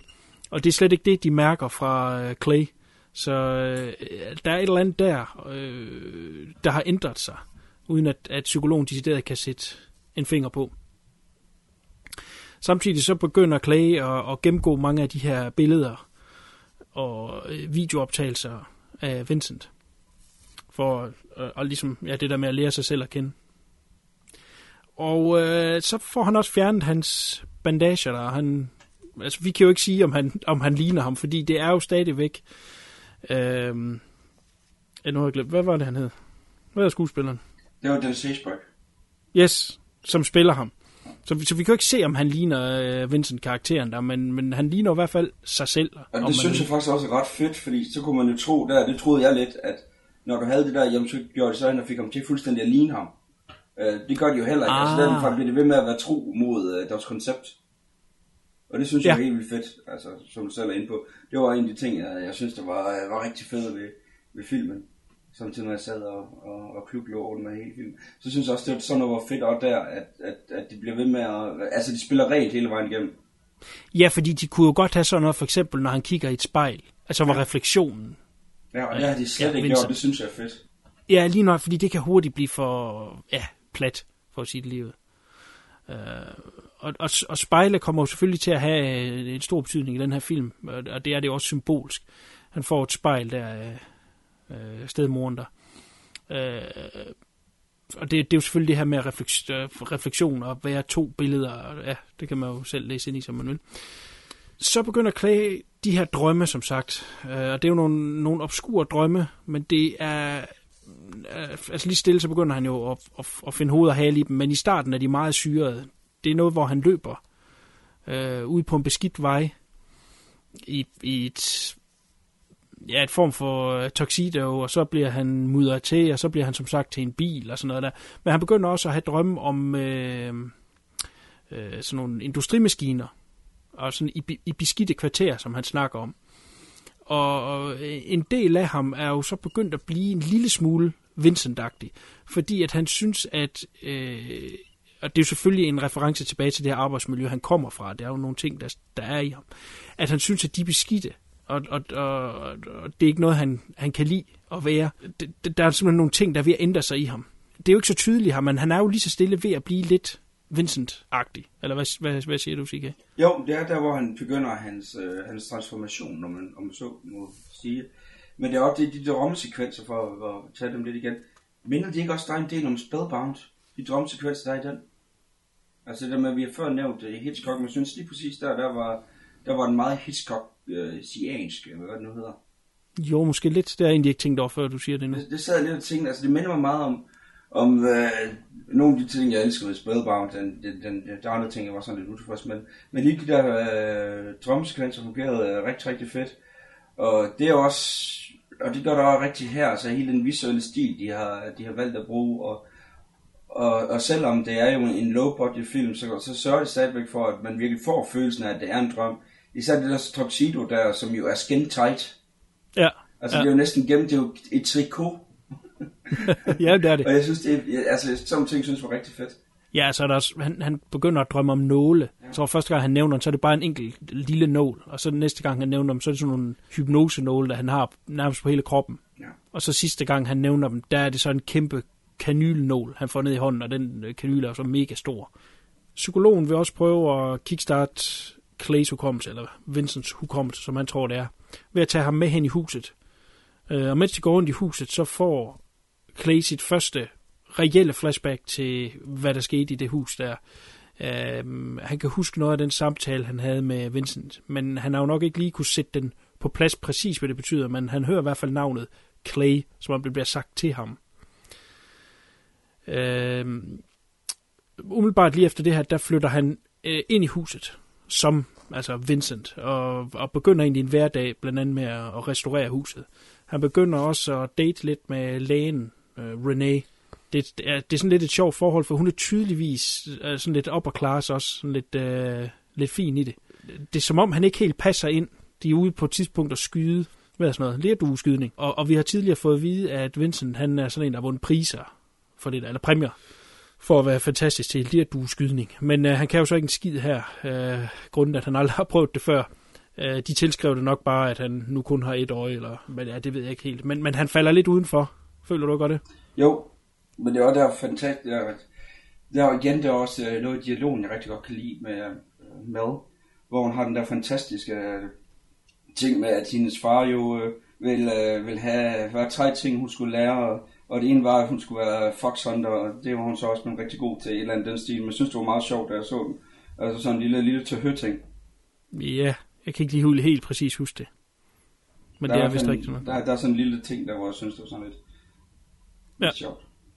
I midlertid så har Clays ar, de har hele sig nok til, at uh, uh, Wiseman nu mener, at han kan sætte ham i en lineup. Og så er der jo det her vidne, som vi omtalte tidligere. Hun kommer så ind, og ja, umiddelbart igen, så udpeger hun Clay. Men uh, hun kan ikke sige 100% det er ham, fordi at hun siger, at han er... Altså, der er nogle ting, der er noget med, at hans øjne er længere fra hinanden, end ham hun så den aften, og ørerne sidder ikke samme sted, og sådan noget. Der, der, der er nogle enkelte ting, og der nævner hun nemlig også omkring den her næseryg. Og der refereres der jo til den her samtale, som Renee har med Clay, da hun øh, jeg mener det, der, hun klipper hans bandage af. Øh, det er jo det, der, hvor du, du tog det som en humor i, at hun siger en ting omkring hans ansigtsudformning, som slet ikke passer til ham, fordi det er en helt anden person, der sidder der. Men, men det, det, det får jo en, altså et payoff her. Vil du give mig ret i, at det er det, der er meningen med det? Jamen, ja, ja, det er også det, jeg siger. Det er en ren, at jeg finder den morsom, det er rent og skær subjektivt. Altså, det er, det, den står for min egen regning, så det er ikke, det er ikke, det er ikke noget overhovedet med, at jeg er uenig med dig der, men, men bare for mig, så er det en utrolig morsom film. Så okay. okay. jeg giver det ret i, det er det, der er meningen med det, så det er ikke, men det, det er bare, øh, ja igen, Eye of the Beholder. Ja. Is drunk. Ja. Og det Godt. sådan, da jeg var ædru, det var det bedste af det hele. Ja, ja det øh, kaster jo ikke lys over sagen. Men det øh, efterlader jo Wiseman i en lidt af en øh, kattepine, for nu bliver han nødt til at strege Vincent, eller Cla- øh, Clay, om man vil, som øh, mistænkt i sagen. Og øh, nu er han egentlig på fri fod, om man vil. Men han, når han er ude at køre, så føler han hele tiden, at der er en, en bil, der følger efter ham. Og på et tidspunkt, så irriterer det ham så meget, at han ringer til politichefen og siger, hvad fanden sker der? Jeg troede, jeg var frikendt for den her sag, og hvorfor er det så, at Wiseman han bliver ved med at, at følge efter mig? Hvor han så får at vide, at Wiseman han sidder på kontoret, og der han går en hel dag, han arbejder på, på andre sager. Dan, dan, dan. Der må være en anden, der følger efter ham. Alle de her drømme, som Clay han har, de er begyndt at øh, blive mere tydelige. En aften har han en drøm om et byskilt, der hedder Needles, som jo sjovt nok også er det, han har drømt om tidligere, som jeg snakker om med nåle, der var i ham. Men nu er det rent faktisk et byskilt, og det får ham til at tro, at der må være en by, som hedder Needles. Og derfor så ham og, øh, og Renee ud og gå rundt i den her by, og i håbet selvfølgelig om, at det kan jumpstarte et eller andet hukommelse. Det gør det så ikke. Men igen her, der snakker han meget om, at det er en beskidt by. Det er sådan en lille bitte flække. Det er en beskidt by og en ulækker by. Han tager faktisk på et tidspunkt en sten og kaster hen på sådan en, en skraldespand, sådan en baggyde, hvor der så, jeg tror, han rammer en kat. Altså, han er her ved at lægge større og større afstand til, til det, der engang var Clay. Her har jeg så noget til. Ja. Lige præcis den her scene her, der synes jeg måske, de har skrevet lidt for meget ind til benet. Fordi jeg, jeg, sad, jeg sad faktisk lidt og, øh, og manglede, hvor øh, han besøger den, den her by, og det skal også til, han kommer fra. At han ikke møder nogen. Altså, du får at vide øh, i starten, at han både har kæreste og, og venner og, og arbejde, alt det der. Altså, er det fuldstændig modsat. Øh, og det ved jeg godt, det er jo ikke, det er ikke vigtigt for dem, men her kunne jeg faktisk godt have savnet nogle, nogle scener, hvor at han mødte hans, hans fortid. Jamen, det vil jeg faktisk delvis give dig ret i. Både i, at det kunne have været fedt historiemæssigt, men de kommer også gående ned ad en gyde, og så kommer de ud på det, man må tro er hovedvejen. Jeg troede faktisk, de ville møde, kan jeg huske, når de kom rundt om hjørnet, så ville de møde en. Altså, er der ikke rigtig lagt op til det, ikke? Altså, de kommer fra en gyde af at gå ud. Ja, det, ja, det savnede jeg bare, at det, det, det, lige der kunne jeg godt have brugt øh, ja, et par scener det vil jeg give dig ret i. Det vil jeg give dig ret i. Spørgsmålet er bare, hvor vil det, hvor vil det kanonisere historien henad? Ja, det er det. Altså, det, det vil ødelægge en, øh, en hel del, men, men igen, altså, det er, jo, det er jo vigtigt for dem at, at få dem hen til den her by her, for at, ligesom, at, at vise den transformation, han er i gang med. Men samtidig så kommer det også bare til, at, man, at det får en lille løs ende, hvis du forstår, hvad jeg mener der. At... Jamen, jeg forstår sagtens, hvad du mener, men, og jeg kan sagtens se det, og, og det kunne også have været en fed lille scene. Problemet er bare, hvis det var, det blev etableret, at han er Clay, altså at, det, at der er ikke rigtig nogen, der ved, der er tvillinger. Enten selvfølgelig andre, der har været med til den begravelse der, det bliver så ikke nævnt. Men så, men så altså, der kunne måske have kørt et eller andet med noget... Øh, øh, ja, det hele der face reconstruction, han anden og sådan noget, han stadigvæk ved, at han er klager, så han kunne måske komme med nogle spor, og det, det kunne måske godt skrives ud af. Men du, jeg, jeg vil godt give dig ret der, jo, altså, men, men... Det vil være tricky. Altså hele den her scene er bare for at vise, at han tager afstand fra en person, han tidligere var. Problemet er bare, at han ikke ved, at han var en anden person tidligere. Så de bliver nødt til ligesom, så lader de byen være ham. Giver det mening? Jo, det er det. Altså, det, igen, det bliver jo, øh, altså de bruger meget de her symboler, som for eksempel bare med fuglene, ja. som før og sådan noget, og, og, og spejler, som på, og det er det samme her også. Altså der er også, øh, ja, jeg skulle godt sige, at byen det er en form for allegori, metafor for uh, hans uh, tilstand, hans tidligere jeg. Det vil jeg godt give dig. Ja. En samtale, telefonsamtale mellem René og, øh, og Clay, der kommer øh, Renee til at smide sin telefon på gulvet, og når hun så samler den op, så rammer hendes tommelfinger øh, pundtasten på telefonen, som sender den her hyletone øh, igennem røret, og da Clay hører den, der ser man så en masse klip af bilen, der springer i luften, og ja, man ser også Vincent egentlig. Der, der er en masse forskellige klip der, som indikerer for os, at nu kan han huske det hele. Men det bliver ikke skåret så meget ud endnu. Men er det ikke det, man skal tolke ud af det? Jo, at det, det ligesom, at det er, det er vendepunktet, at det er der, hvor han, ja. han ligesom, ja, mindes. Ja, han, nu, nu ved han, hvordan det hele det hænger sammen. Ja. Øh, og det giver ham jo så nogle, nogle søvnløse nætter. Og en af de her søvnløse nætter, der hører han en mand, der går ind i huset. Altså simpelthen døren bliver låst op, og der går en rundt ind i hans hus. Han øh, tager hurtigt sit, øh, sin shotgun, eller hans, er den der lige du skyde.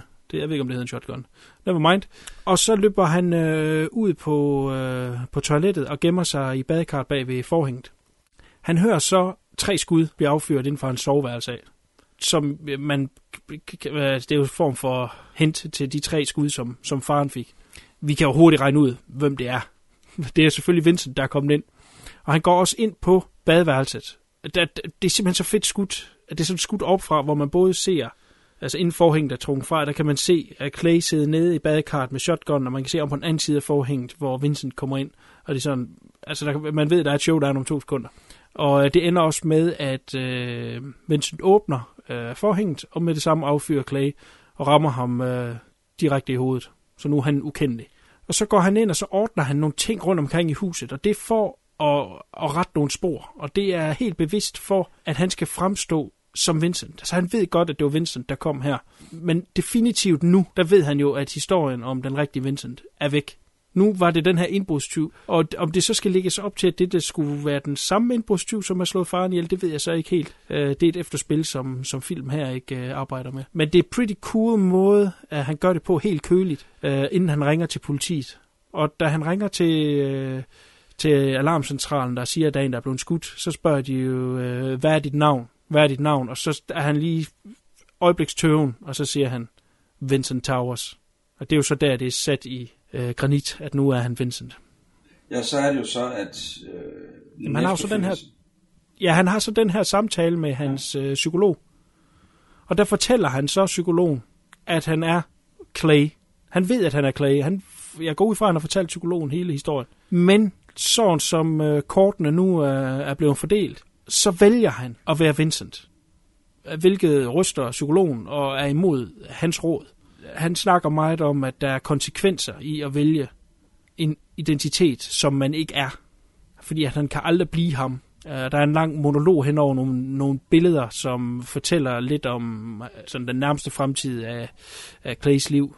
Blandt andet, at han bliver gift med øh, lægen og René, og man ser dem, at de er på ferie, og de virker meget lykkelige egentlig. Men henover det, der er der så den her monolog fra psykologen, som, som ja, essensen af det er, at man kan ikke overtage en anden identitet, fordi han vil aldrig nogensinde kunne blive Vincent, simpelthen fordi han ikke er Vincent.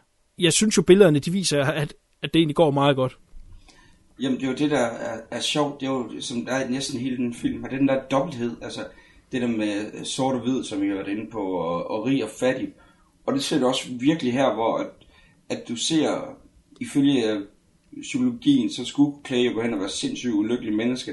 Men billederne viser jo bare en anden verden. Og, og det er jo lidt hele den der dobbelthed der med, jamen, hvad, hvad er rigtigt og forkert? Altså, og det er også ja. derfor, det er fedt, den er sort og hvid, fordi den, den kører virkelig det der med, at, at det ender jo i en stor, stor grå zone. Altså, han får det liv, han gerne vil have.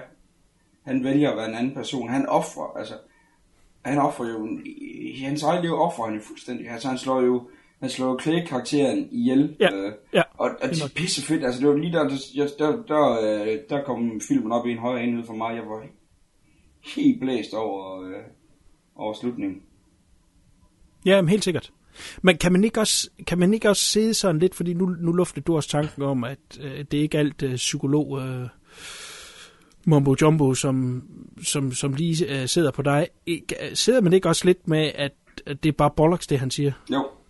Altså det, det er det, som, øh, som ligger op til i hvert fald filmskaberne, det er jo, at, for psykologien, så kan man jo ikke gøre det, som, som Clay, Vincent nu, han vælger at gøre.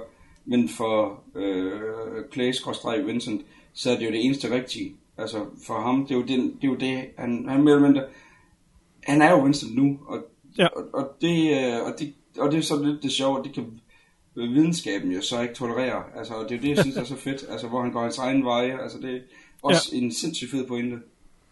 Jamen, øh, jeg synes jo også, at det er øh, altså, gyldigt nok, at han er Vincent, fordi at vi ser ham jo rent, altså fundamentet i ham ændrer sig jo, blandt andet da vi er i byen Needles, hvor at han begynder at snakke om, hvor ulækker byen er, og, og det er ikke et sted, han kan lide at være. Altså, han har jo ikke bare sat sig for, at nu er han Vincent, mens at han egentlig inderst inden stadig var Clay. Han har jo ændret sig nok til det. Vi kan så sige, at vi har ikke set ham opføre sig som et dumt svin, men han er måske bare blevet en, for, en ny forbedret udgave af Vincent. Jamen, der er jo også øh, den der scene, psyko, øh, psykologen, der står, øh, snakker han jo om det der med, at jamen, han er jo Vincent. Han er jo blevet øh, anklaget for mord hele, og han har været igennem alle de ting, som, som Vincent har været igennem. Altså, det har han følt på egen krop, og det er også derfor, at han føler, at han er Vincent, fordi han vil aldrig nogensinde den der med, mistrohed, han har, han har mødt, øh, blandt andet for politibetjenter, det vil han aldrig nogensinde slippe af med. Nej. Ja, der er et connect der mellem ja. de to. Ja, som midten på et 8-tal. Uh, uh. Ja, den kan du lige tænke lidt over. Den kan lige tænke lidt over. Hvis man vinder det om, så er det jo Infinity. Ja. Den kan du også tænke lidt over. Det vil jeg gøre. Godt. Det er jo sådan set slutningen på... Øh Sutra. Men skal vi prøve at vende lidt, øh, lidt tanker? Den starter som sagt med den bed, øh, hvor Vincent kommer ind for at slå Clay ihjel i, i badekarret. Det, det, det, det ser man op til, at forhænget det bliver åbnet, hvor man så hopper tilbage i tiden, hvor historien starter. Der hører man psykologen øh, som en monolog fortælle ind over øh, omkring ja, at, at en historie også har en identitet, og man skal forstå historiens datid. Når jeg hører den monolog henover, og det er en psykolog, og måden han taler på, stemmestyring, og endda også det er sort-hvid, så kunne jeg simpelthen ikke lade være med at tænke på introen til Europa, Trias, som er en hypnose, hvor man skal komme ind i et state of mind for at kunne se den. Jo, det kan man sagtens sige. Altså det er... Jo, det er meget samme måde at gøre det på. Der er nogle uh, throwbacks i hvert fald til, til Trier der. Jamen, jeg ved ikke, om det er mig, der ligger for mig i det, men jeg kunne ikke lade være med at tænke på det. Uh, det her, der... Altså, det er jo... Det viser jo, at det er en, der fortæller os historien. Så, så den, den, den har udspillet sig. Men derudover er der også ligesom en, der styrer, hvor vi er i historien. Og i, i Europa, der er der en, det er så Max von Sydow, som har fortæller stemme, som ligesom ved at tælle os op og ned i, hvor bevidste vi er i den her hypnose, kan springe os frem og tilbage i historien. Jeg ved ikke, om de har set Europa og ladet sig inspirere af den. Europa er fra 90, sikkert Sutter er fra 93. Så det er da ikke, øh, det er da ikke uh, usandsynligt, at de skulle have set den og lade sig inspirere den. den. Det var ikke, fordi den blev det store hit i Amerika. Der gik den for øvrigt under titlen Centropa. Øh, fordi der var en anden film, der hed Europa på det tidspunkt. Men, men øh, jeg er stor Trier-fan, og, og især selvfølgelig Europa. Og øh, jeg, jeg kom til at tænke på det med det samme, der var inde i det der state of mind af, øh, af, af en omnipresence, som ligesom fortæller, som bestemmer, hvor vi er i historien, og sætter os ned. Nu skal vi ind her. Men det kan godt være, det er mig, der, der ligger for mig i det. Nej, men det, det synes jeg ikke. Det kan du sagtens sige. Den er meget flot fotograferet. Og jeg var inde og tjekke op på øh, fotografen. Han hedder Greg Gardiner. Så tænkte jeg, han måtte da have, han måtte da have udviklet sig til noget stort. Øh, øh Sutra her er en af hans, hans, hans første film. Han har ikke lavet meget, inden at, at han lavede den her. Så det kunne jo have udviklet sig til meget. Det har det ikke. Jeg prøver at rise nogle af de titler op, han har lavet. Han har lavet Son of Mask. Det er altså Masken 2. Han har lavet New York Minute med The Olsen Twins. Så har han lavet en Herbie sequel. Og øh, det seneste, han har lavet, er Beverly Hills Chihuahua 3. Så han, han startede nok med hans bedste. Åh, oh, stakkels mand. stakkels, stakkels mand, da. Hold da op. Det var helt synd for ham. Ja. Øh, øh, virker underligt, fordi den her film er virkelig lækker skudt. Ja. Øh, ja. Som vi har været forbi, så har den det her film noir øh, øh look hele tiden, og, og det det er sgu svært at skyde. Altså, det er jo minimalistisk, den er i 2.35, men, men stadigvæk så øh, uden store kamerabevægelser som så, ikke? Altså, det er indstillinger, klip, klip. Og det tror jeg også, vi var forbi i forbindelse med, øh, med revanche i sidste uge, hvor, hvor minimalistisk man kan gøre det med øh, hvor der ikke er store panoreringer, og ikke øh, steadicam og kranskud og alt muligt. Øh, og, og, og sådan var det jo i film noir. Altså, det, nogle af dem havde selvfølgelig nogle kamerabevægelser og alt sådan noget der, men ofte var det jo en aflåst øh, indstilling. Og, og det kan sgu godt være lidt tricky at skyde nogle gange. Men, øh, men jeg synes, de har fået det her øh, film noir øh, borgen godt over. Altså man sidder med fornemmelsen af, at det er en film noir. For uden selvfølgelig, at den er sort-hvid. Jeg, altså det, jeg prøver at sige, er, havde den været i farve, så havde det stadigvæk virket. Det er også, øh, for lige at komme med my two cents, det her det er jo en film, som nu er det jo en, en arthouse, men den kunne også godt have fungeret som, som ren mainstream med, med selve historien og det hele. Der så ja, med selve historien, ja. ja. Altså, den der, skulle nok have haft en anden form. Ja, altså, hvis man laver lidt om på form sådan noget, så kunne det jo faktisk også sagtens have været hit. Altså, der er jo nogle, øh, nogle ting i den i hvert fald, som, øh, hvor man sidder og tænker, at øh, den også går talt til et, et større publikum. Hvor man så kan sige, om, om de, om de øh, måske har, øh, har skudt sig lidt i foden ved at, at gøre den så lean, altså skal, skal så meget ind til benet med, med alt. Det, det er jo så sådan et interessant spørgsmål. Ja, det er jo nok en balancegang, fordi det er jo samtidig filmens charme. Ja, helt sikkert. Og vil, vil, vil, man, vil man opgive den for et bredere det ved jeg. Altså filmen er, som du selv nævnte tidligere, en low budget. Den er skudt for 1 million dollars. Øh, jeg ved ikke, hvad den har tjent ind. Den, den har været rundt på nogle festivaler og, og, og fik en okay modtagelse. Jeg, jeg tror sgu, den har fået det øh, publikum og fundet det publikum, som den skulle alligevel. Det, det, det er min umiddelbare fornemmelse af det. Øh, de to hoveder der bagved, det er ikke nogen, der... De går sgu ikke efter det nemme beat, ikke? Altså, den her, den er fra 93, deres næste film. Den er fra 01 eller sådan et eller andet. Ja, The Deep End, det tror jeg, det var deres næste. Altså, de, de er ikke... De blev lidt mere effektive her øh, op igennem nullerne. Men, men øh, jeg, jeg tror, de sætter sgu mere historien og filmen højere, end, end at få et godt salgstal. Der er selvfølgelig noget, der skal gå hånd i hånd forhold til økonomi, hvis man gerne vil lave en film mere bagefter i hvert fald.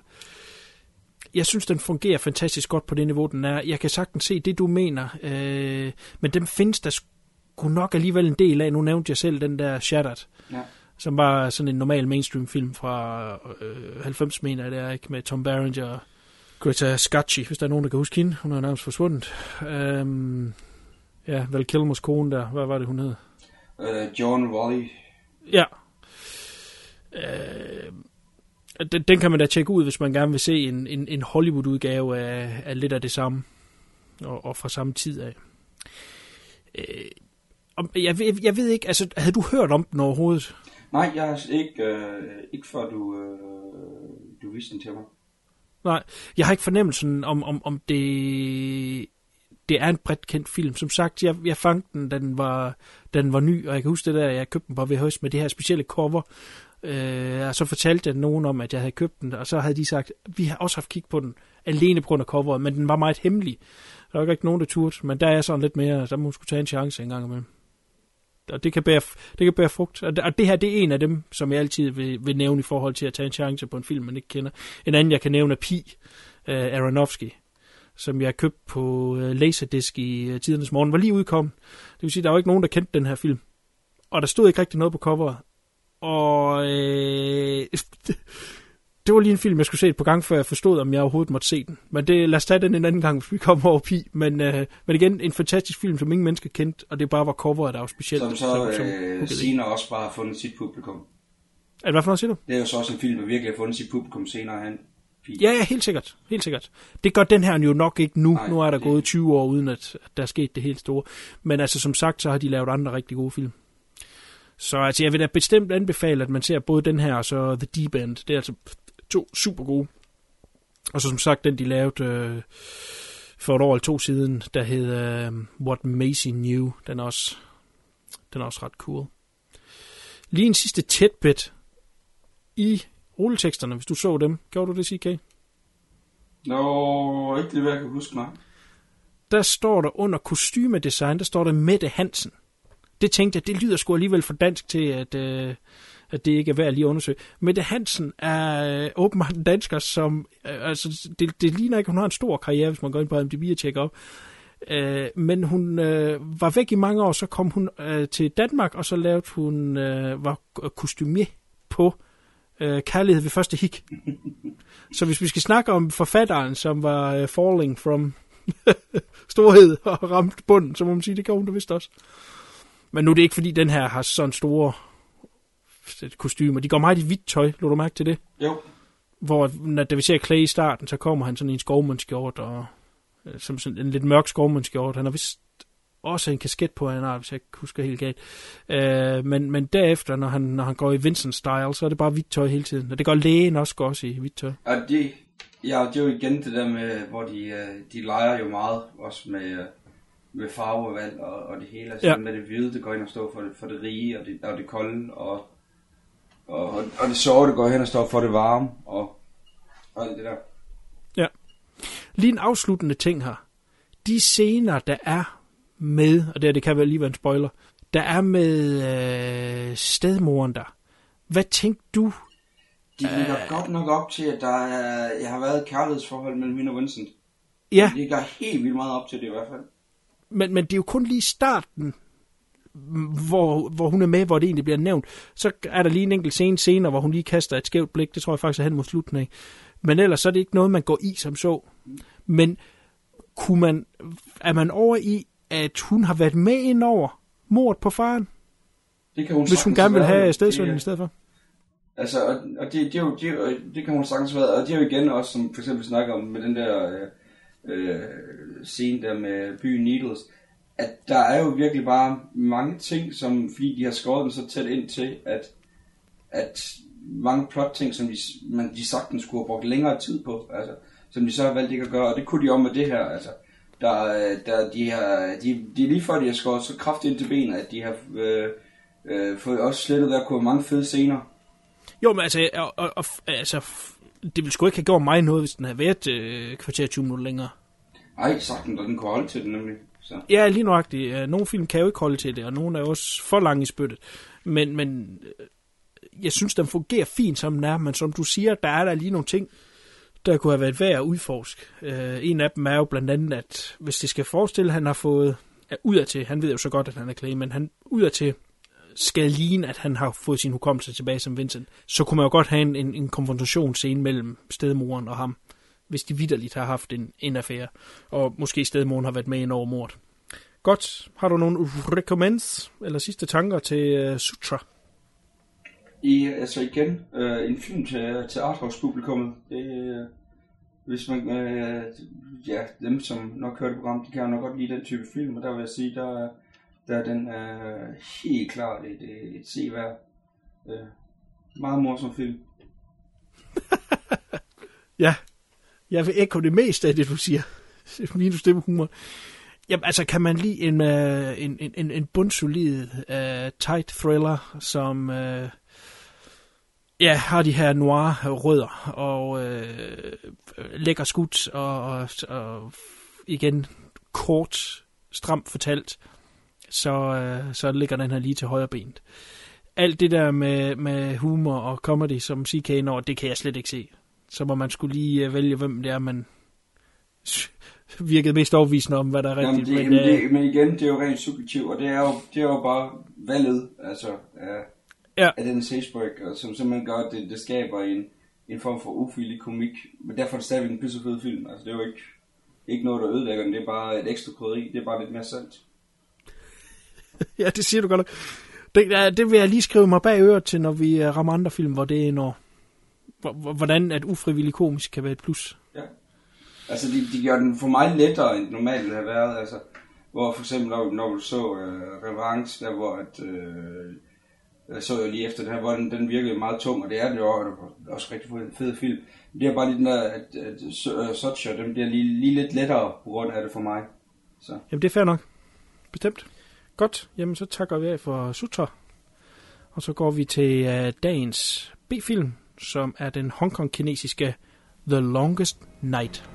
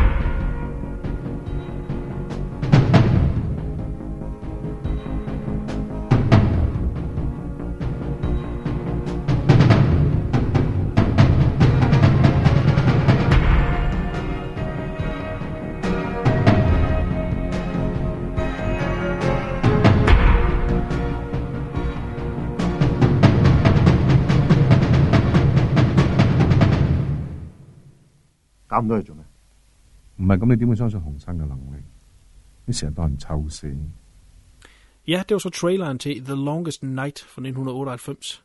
Hongkong-kinesisk film. Den er produceret af et selskab, der hedder Milky Way Image. Og om man kender det eller ikke kender det, så vil jeg her lige give en ultrakort intro, fordi vi skal senere, længere ind i castet, eller hvad hedder det, i fremtiden, der skal vi beskæftige os mere med Milky Way Image. Det er et produktionsselskab, som bliver øh, etableret tilbage i 96 af en instruktør, der hedder Johnny 2, og en instruktør, der hedder Wai Kar Fai. De laver det her selskab for at kunne lave en bestemt type film, og det er gritty, mørke crime thrillers. At derfor, når man snakker om en Milky Way Image film, så refererer man faktisk til den genre af film. Hong Kong har jo triader i virkeligheden, altså øh, mafia og bander. Så at det er... De ved, hvad de snakker om, når de laver de her film. Det er ikke bare at tage ud af øh, fri fantasi. Det er noget, som øh, er ude på gaden. Det er noget, de kender og lever af. Og er med til at holde Hongkong i gang også. Milky Way Image har lavet mange forskellige slags film, og over årene har der også været, der har også været nogle romcoms imellem. Øh, Johnny 2 har også lavet romcoms. Johnny 2 er nok en af de fineste instruktører ud af Hongkong, og det er ham, vi vender tilbage til senere. Øh, et, et utal af film, man kunne nævne, der kunne være interessant af hans at vende på det her cast. Øh, en håndfuld af dem har han lavet sammen med Wai Kar Fai. Øh, kendte du Wai Kar Fai, før jeg nævnte det nu, øh, uh, CK's? Nej, men da jeg så, øh, øh, hvad hedder det, produktionsselskabet Milky Way, da jeg så filmen her, øh, der, der, der må jeg godt nok tænke, der smilte jeg stort. Ja. Fordi der vidste jeg med det samme, at okay, det er Milky Way, der, der er inde af her, så bliver det godt. Det er nemlig det. Altså, det er Øhm, sådan et kvalitetsstempel. Ja, det er nemlig rigtigt, og det er også derfor, jeg lige vil nævne det, fordi hvor tit siger man, at man vælger en film ud fra et produktionsselskab? Det er jo nok ikke mange, der gør det.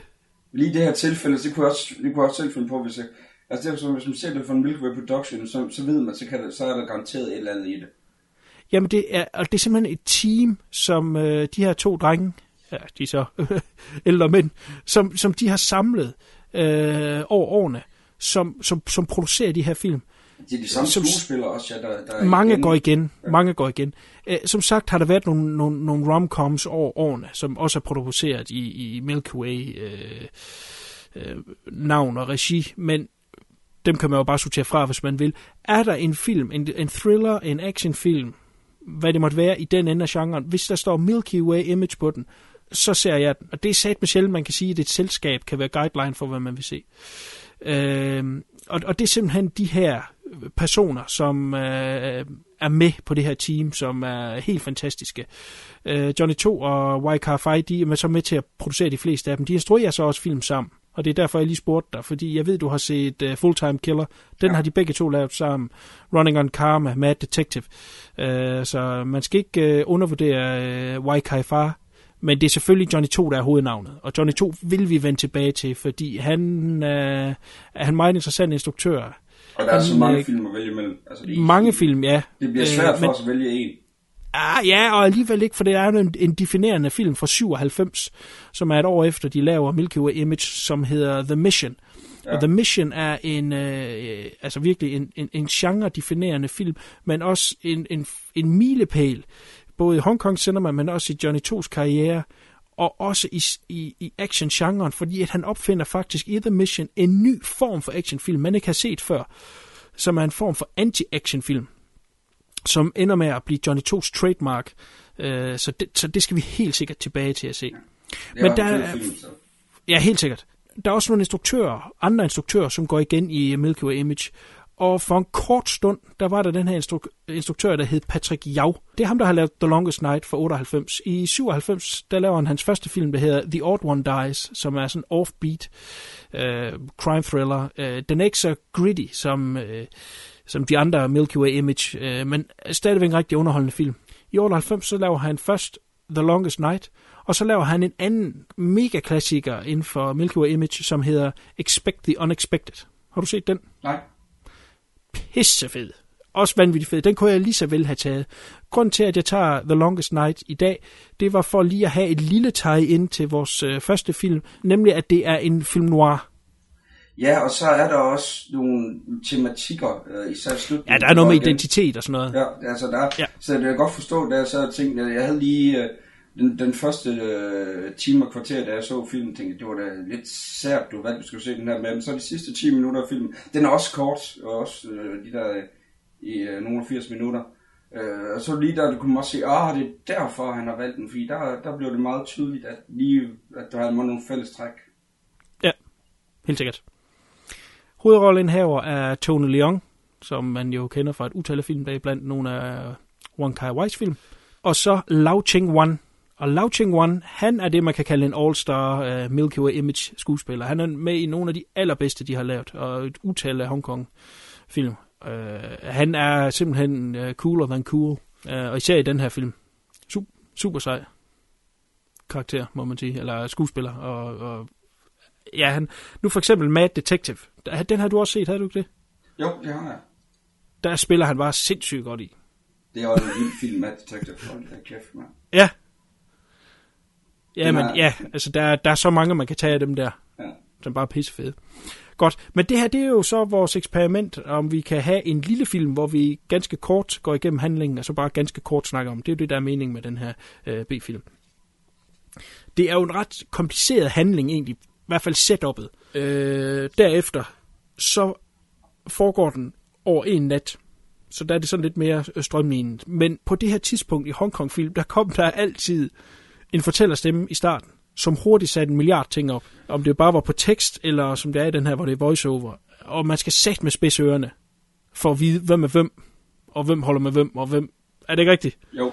Og, og, og det er klassisk. Øh, specielt de her Swordsplay-film, som øh, var ret store i starten, ja, slutningen af 80'erne, starten af 90'erne, øh, som altid startede i The Ming Dynasty.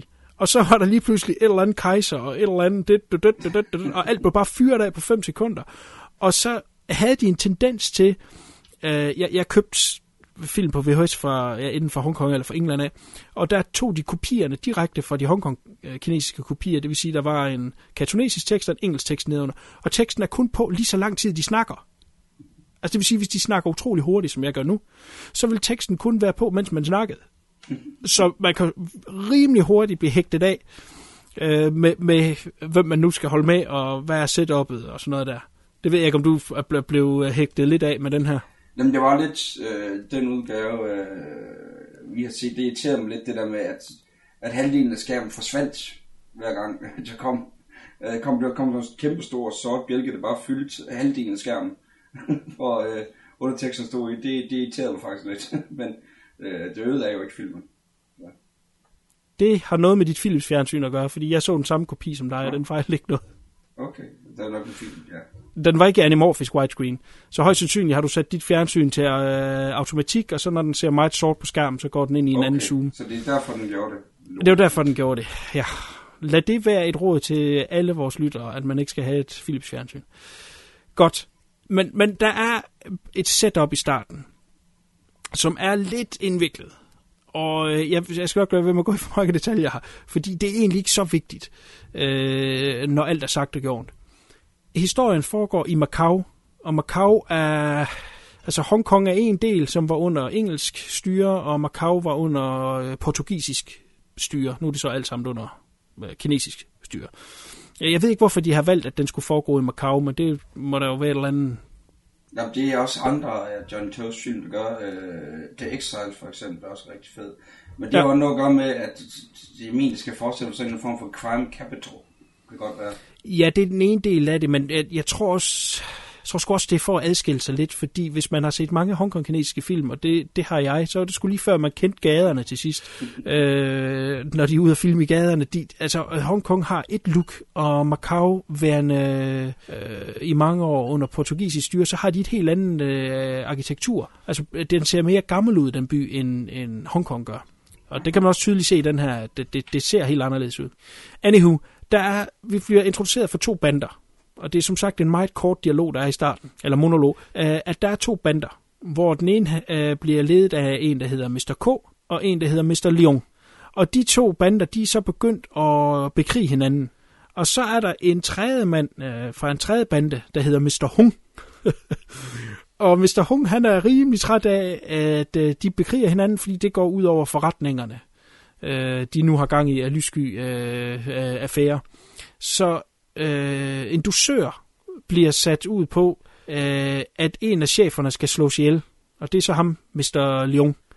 Og det er der ikke nogen, der er interesseret i, så derfor så bliver øh, Mr. K's øh, man number one, og det er en politimand, han bliver sat på at finde alle legemorder, der kommer ind for at, at vil tjene de her øh, 5 millioner øh, øh, Hongkong dollar på at lave det her hit.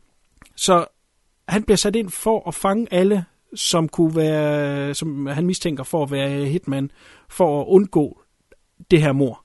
Og det er så Tony Leung. Så vi, og der følger, følger vi så Tony Leung i løbet af den her nat, hvor at alle, han synes er mistænkelige, de får enten utrolig mange tæsk og smadrer deres hånd, så de ikke holde en pistol, øh, eller så smider han dem i fængsel.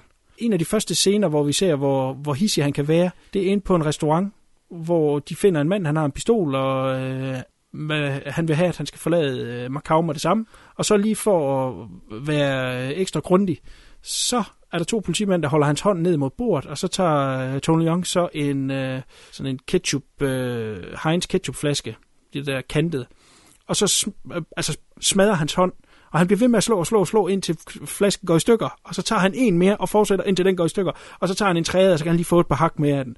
Øh, Altså sådan nogle flasker der, jeg tror, det, det vil være rimelig øh, skadeligt. Ja, det kan holde til noget i hvert fald. Det er jo rent stål. Ja, men jeg, jeg tror, konstruktionen af sådan en flaske der, fordi den har alle de der kanter rundt, tror jeg faktisk er ret hård. Okay. Altså, jeg skulle nødig have så mange tæsk med den. H- hvad synes du om uh, setup'et her? Jeg synes, det, jeg synes, det er rigtig fedt, også fordi du ser jo... Uh, øh, den anden hovedperson, hvis navn, så jeg ikke du, du vil prøve på at udtale. Jamen lad os lige vente med at komme ind til ham. Det er bare fordi den dobbelthed, der er i, i scenen, hvor den klipper mellem de to karakterer, det synes jeg fungerer helt vildt godt nemlig. Og, Okay, så lad mig sætte op til det, så får Ja. du ordet bagefter.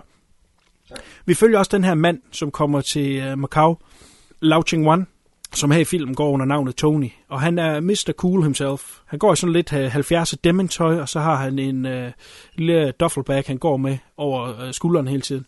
Og han sidder så og spiser på den her restaurant, og har nogle telefonmøder samtidig. Mens han sidder og spiser hans mad, der er det så, at uh, Tony Leung kommer ind og laver det der med, med ketchupflasken. Og mens at de er ved at smadre hans hånd, så modtager han så et opkald på den her mønttelefon derinde, hvor han bare står og råber, øh, fordi, for at overdøve ham, der skriger, mens han får smadret hans hånd. Og det, og det fungerer også, fordi der, som du selv siger, der ser du, hvor cool han er. Altså, han sidder Ja. bare og spiser hans minestronesuppe, altså der, og, det, det, og det fungerer sindssygt godt at vise øh, forskellen bliver de to karakterer, hvor øh, Leons karakter, han er jo den her udfarende, øh, voldsomme øh, stræder, hvor den anden, han er sådan lidt cool efter ting som, altså. Ja, helt sikkert. Helt sikkert. Og med det samme, så øh, får øh, Tony Leung øh, opfattelsen af, at øh, Lao Ching Wan her, han er, øh, han er lidt en skidt fyr. Men han, han kender ham jo ikke fra miljøet i dag, så han siger bare til ham, du skal rejse ud af byen, og jeg vil ikke se dig igen. Men han ser ham jo så relativt kort tid derefter, hvor han så får, øh, får smidt ham i fængsel. Øh, han har nogle samtaler med forskellige elementer øh, i det kriminelle miljø i løbet af natten, har Tony Leung, øh, for at finde ud af, hvem er morderen, der vil slå ham her ihjel. Og jeg- jeg vil gerne lige kaste et spoiler ned her, fordi der er nogle twists undervejs i den her film, som jeg synes vil være synd, man får ødelagt, hvis det er, øh, man ikke har set den. Ja, især når vi også har et, øh, at det er en lille gennemgang, så... Øh, Ja, lige nok det. Øh, ja, jeg ved sgu ikke helt. Skal man bare gå direkte til, hvad fanden the meat of it er? Er det ikke nemmere? jo, gør det, det er vi nødt til. Godt. Spoiler. Det her det er en pissefed film. Øh, se den, og så vend tilbage til det her. Det korte og det lange er, at Tony Leung er på jagt efter, hvem er morderen, der vil, legemorderen, der skal slå Leung ihjel. Og det gør han en hel nat, blot for at finde ud af, at det er ham selv. Han bliver simpelthen spillet og manipuleret. Han er jo en korrupt politibetjent, og der er nogen, der hele tiden kan styre ham ved hver hjørne, til han pludselig står i en situation, hvor den eneste måde, han kan komme ud af det på, det er ved at slå ham her ihjel. Og det, øh, måden det hele, det der twist, det kommer på, er simpelthen bare så pissefedt. Øh, han når til nogle situationer, altså på, på et tidspunkt, der bliver der fundet et lig i hans lejlighed, for eksempel, ikke? Og ikke fordi han er mistænkt i, i den sag, men det er selvfølgelig klart, at det er ikke noget, der sådan, øh, falder til godt, for godt tilbage på ham. Øh, og som historien så udvikler sig, så begynder de andre politibetjente ligesom at have øje på, hvad fanden er der med ham her, til at han bliver nødt til at flygte øh, ud af øh, Macau. Og så øh, er han på den her båd, færge, leje eller et eller andet, hvor der er en terminal. Øh, fordi at de har fået at vide, at Lyon som skulle myrdes den nat der, det havde man fået at vide, det har Lao Ching Wan sagt til ham, om en time, der skyder du ham. Og det siger jeg, ja, fuck, jeg rejser bare, så er jeg ikke med i det. Øh, at Leon, han kommer via lufthavnen, så han tager ned til den her bådterminal. Så er der i hvert fald ikke noget, så kan han sejle væk, og han har en masse penge. Øh, så kan han slippe væk. Men øh, Leons folk, de har så tænkt, der er der ingen grund til at tage igennem lufthavnen, hvor alle tror, vi kommer. Vi tager den her bådterminal. Så lige pludselig så er alle spillere her på den her lille bådterminal. Og hele den scene er bare så pissefed, hvor det går op for ham, hvordan han er blevet spillet i hver eneste sving, øh, til han er nået hertil, hvor jeg er ryggen mod muren. Øh, jeg ved ikke, hvad du tænkte. Altså, jeg, øh, jeg har set den her film et par gange, og jeg bliver simpelthen bare blæst væk, øh, hvor pissefedt det er sat op. Jamen, jeg har kun set den en gang, så der er nogle øh, detaljer, der gør lige nødt til at se den igen, før jeg lige sådan helt kan øh, øh udtale mig om, hvor, hvordan setupet det, det fungerer. Men jo, jeg synes, det er, er rigtig, rigtig fedt. Og så også, jo, jeg kan se i mine noter, det eneste, jeg faktisk har skrevet om den her film, det er Stakkels Kvinde. Nå, det er hende, der får lidt på munden.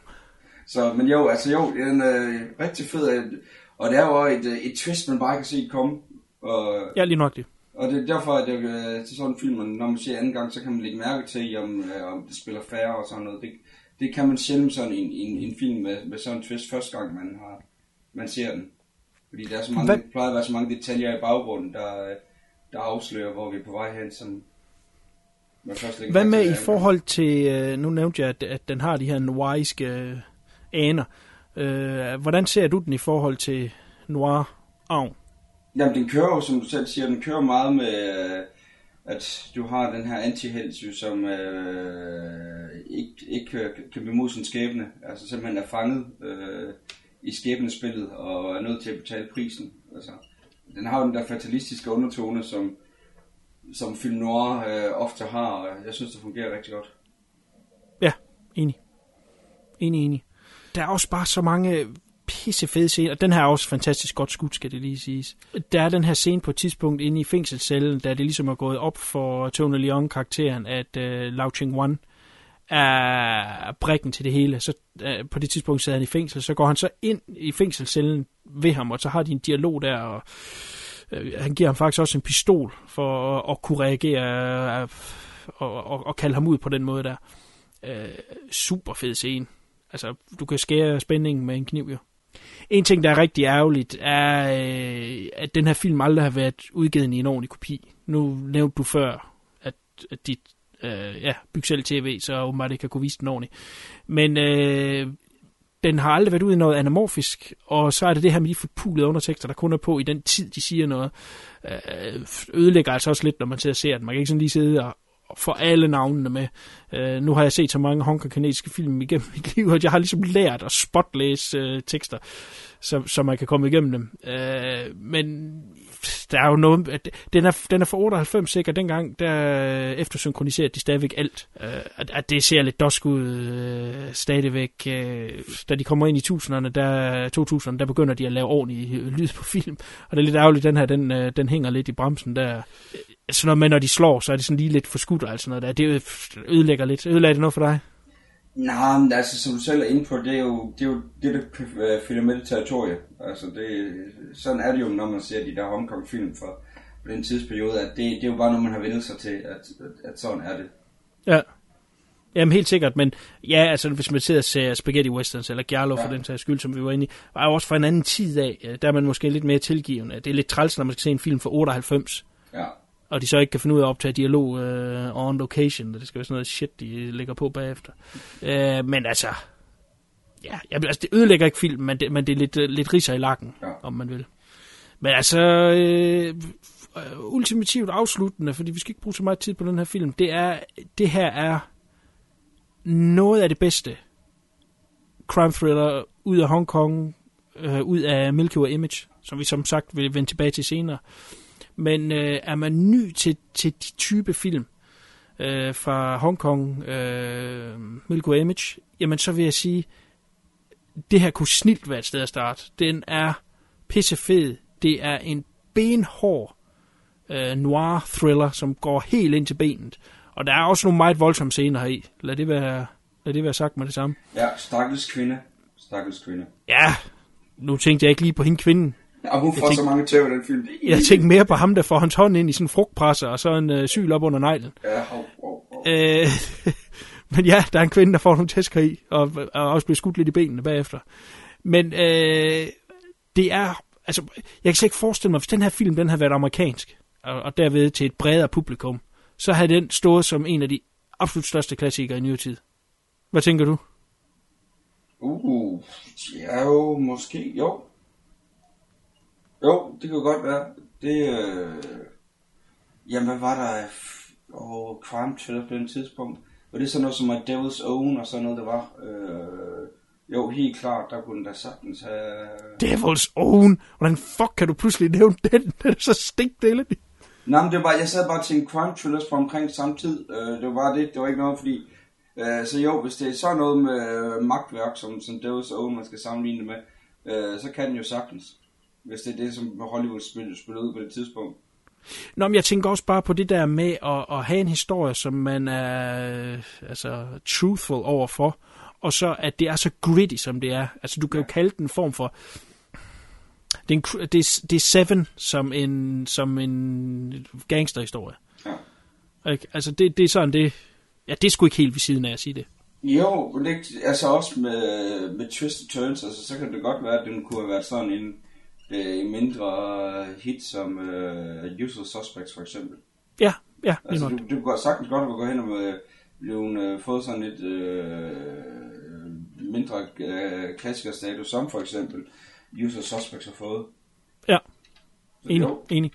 Men altså, det er jo ikke fordi, den her film mangler noget. Den er pissefedt fotograferet. Den har en fed historie. Øh, Tony Leung er jo mesterskuespiller, sammen med Lau Chin Wan også fantastisk. Så det er jo ikke fordi, filmen mangler noget. Umiddelbart. Hvad er dine tanker om den her? Og er er der et recommend gemt der? Jo, den, øh, den kan jeg godt anbefale, hvis man har, har brug for en, en actionfilm, hvor man ikke er, ikke er skræmt væk af, af Hongkong-filmer, så, så den her helt klart en af de bedre. Det var godt. Nu havde du set andre Milky Way Image. Er, er den her på højde med? Er den under? Er den på niveau? Ja, altså de Milky Way-film, jeg har set, det har ofte været Johnny Toe, så, så der vil jeg jo sige, der, der, der er den ikke lige... Han skulle svært at leve op til. altså, der, der er en høj, øh, høj kvalitetskrav der.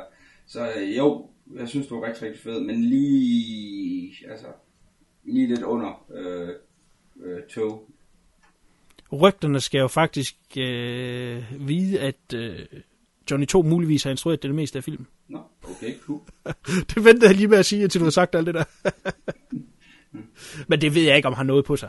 Lad mig, lad mig sige det. Rygter er rygter. Ja, det er jo det samme. godt. Øh, er det godt noget med øh, Poltergeist, som skulle være mere øh, øh, instrueret af øh, øh, Spielberg, end Spielberg. af Joe Hopper? Yeah, Godt, og jeg jo. synes også, jeg læste nogle rygter om gang. Er det ikke lidt jo. den samme form for øh, historie? Jo, men jeg, jeg ved ikke, hvor meget der er i det der poltergeist. Der personligt, så tror jeg faktisk ikke rigtig på det. Jamen, det gør jeg heller ikke. Det var sådan lidt, lidt sjovt. at Der var nogle gange, hvor man får de der historier der. Ja, men det kan jo godt være, at der har været nogle reshoots, han har været ind over. Øh, det, det, det kan da sagtens være. Altså, fra, fra en begynder til en, der har været i faget i mange år, så kan det da godt være, at han har været ind over lige nogle for- enkelte ting. Ja, det skal også siges, at han laver The Longest Night først, og så går han direkte over og laver den, der hedder Expect the Unexpected. Så det kan jo meget vel være, at i, i, i klippefasen, man har fundet ud af, at man skal lave nogle reshoots, og han simpelthen ikke har haft tid. Grunden, at han har arbejdet på en ny film. Så det, det køber jeg måske mere. Og hvis man øh, har øh, Johnny Toe som Secret Unit øh, director til at lave sådan ting, så er man, så det, det er jo fint. ja, det ville være dumt ikke at, at udnytte. ja. Godt, jamen lad det være en mega recommend for os begge to til The Longest Night. Og øh, det kan være et godt sted at starte med Hong Kong film. Det skal man i hvert fald ikke være bange for. Goodish, jamen øh, så er vi egentlig ved at være ved vejs ende. Jeg vil igen lige slå på trummen fra vores Facebook-side. Jeg, vi vil blive så glade, hvis folk de gider at gå derind, og så lige lave en like, og måske endda også smide en kommentar om øh, de film, vi snakker om, eller om, om, om vi gør det godt eller dårligt. Er det en god idé med, med det nye format her? Det kan også godt være, at I bare vil nævne en film, I selv har set, og høre andres meninger og vores meninger, så vi kan få et community op og køre derinde. Det kunne da være super cool. Ja, Så- og øh, hvis den film, som I, I snakker om, hvis, hvis en af os synes, at øh, det lyder meget interessant, jamen, så vil vi også øh, højst sandsynligt tage den i podcasten, ligesom vi gjorde med Secret in the Eyes, som vi alle tre jo var helt vilde med. Ja, enig. Altså, man har mulighed for at få en med på tavlen, hvis man argumenterer godt for det. Godt, jamen øh, så er vi jo egentlig bare ved at lægge op til næste uges film. CK, hvad er næste uges film? Er det mig? Ja, det havde jeg skrevet til dig, at du skulle finde film. Nå, jamen det har jeg også. Den film, øh, jeg har valgt, det er, øh, det er Wall Street Bazier. Og B-filmen, det bliver Marian Max. Vi skal over i animationsfilm nu. Ja, det kan jeg forstå på det. Så vi skal til i gang med at se, uh, se, nu, se moderne animationsfilm for voksen publikum. Så det bliver interessant at høre, hvad, hvad I siger til det. Ja, bestemt. Godt, jamen så er der jo ikke andet at sige på gensyn næste uge. Kan du sige pænt farvel, CK? Pænt farvel. Pænt farvel.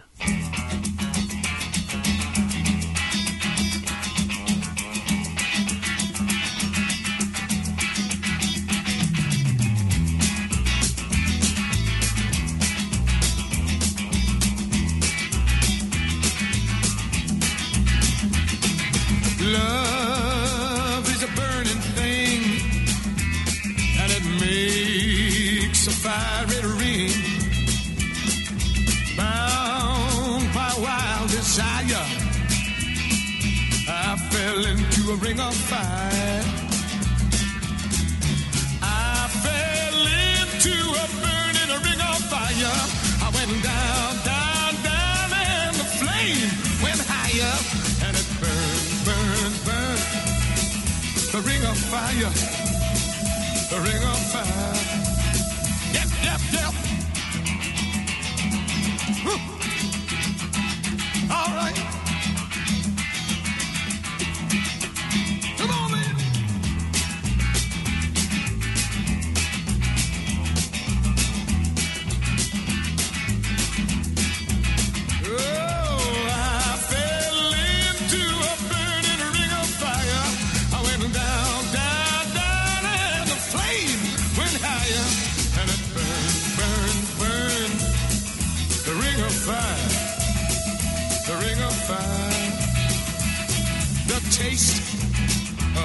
love is sweet when hearts like ours meet.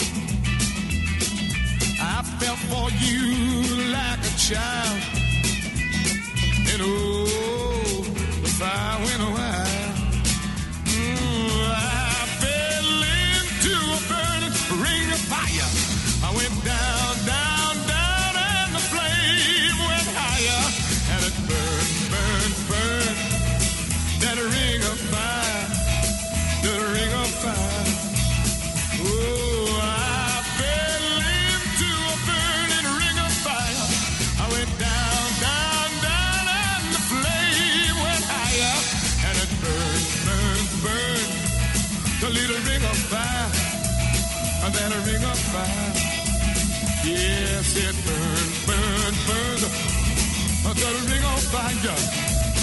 little ring of fire.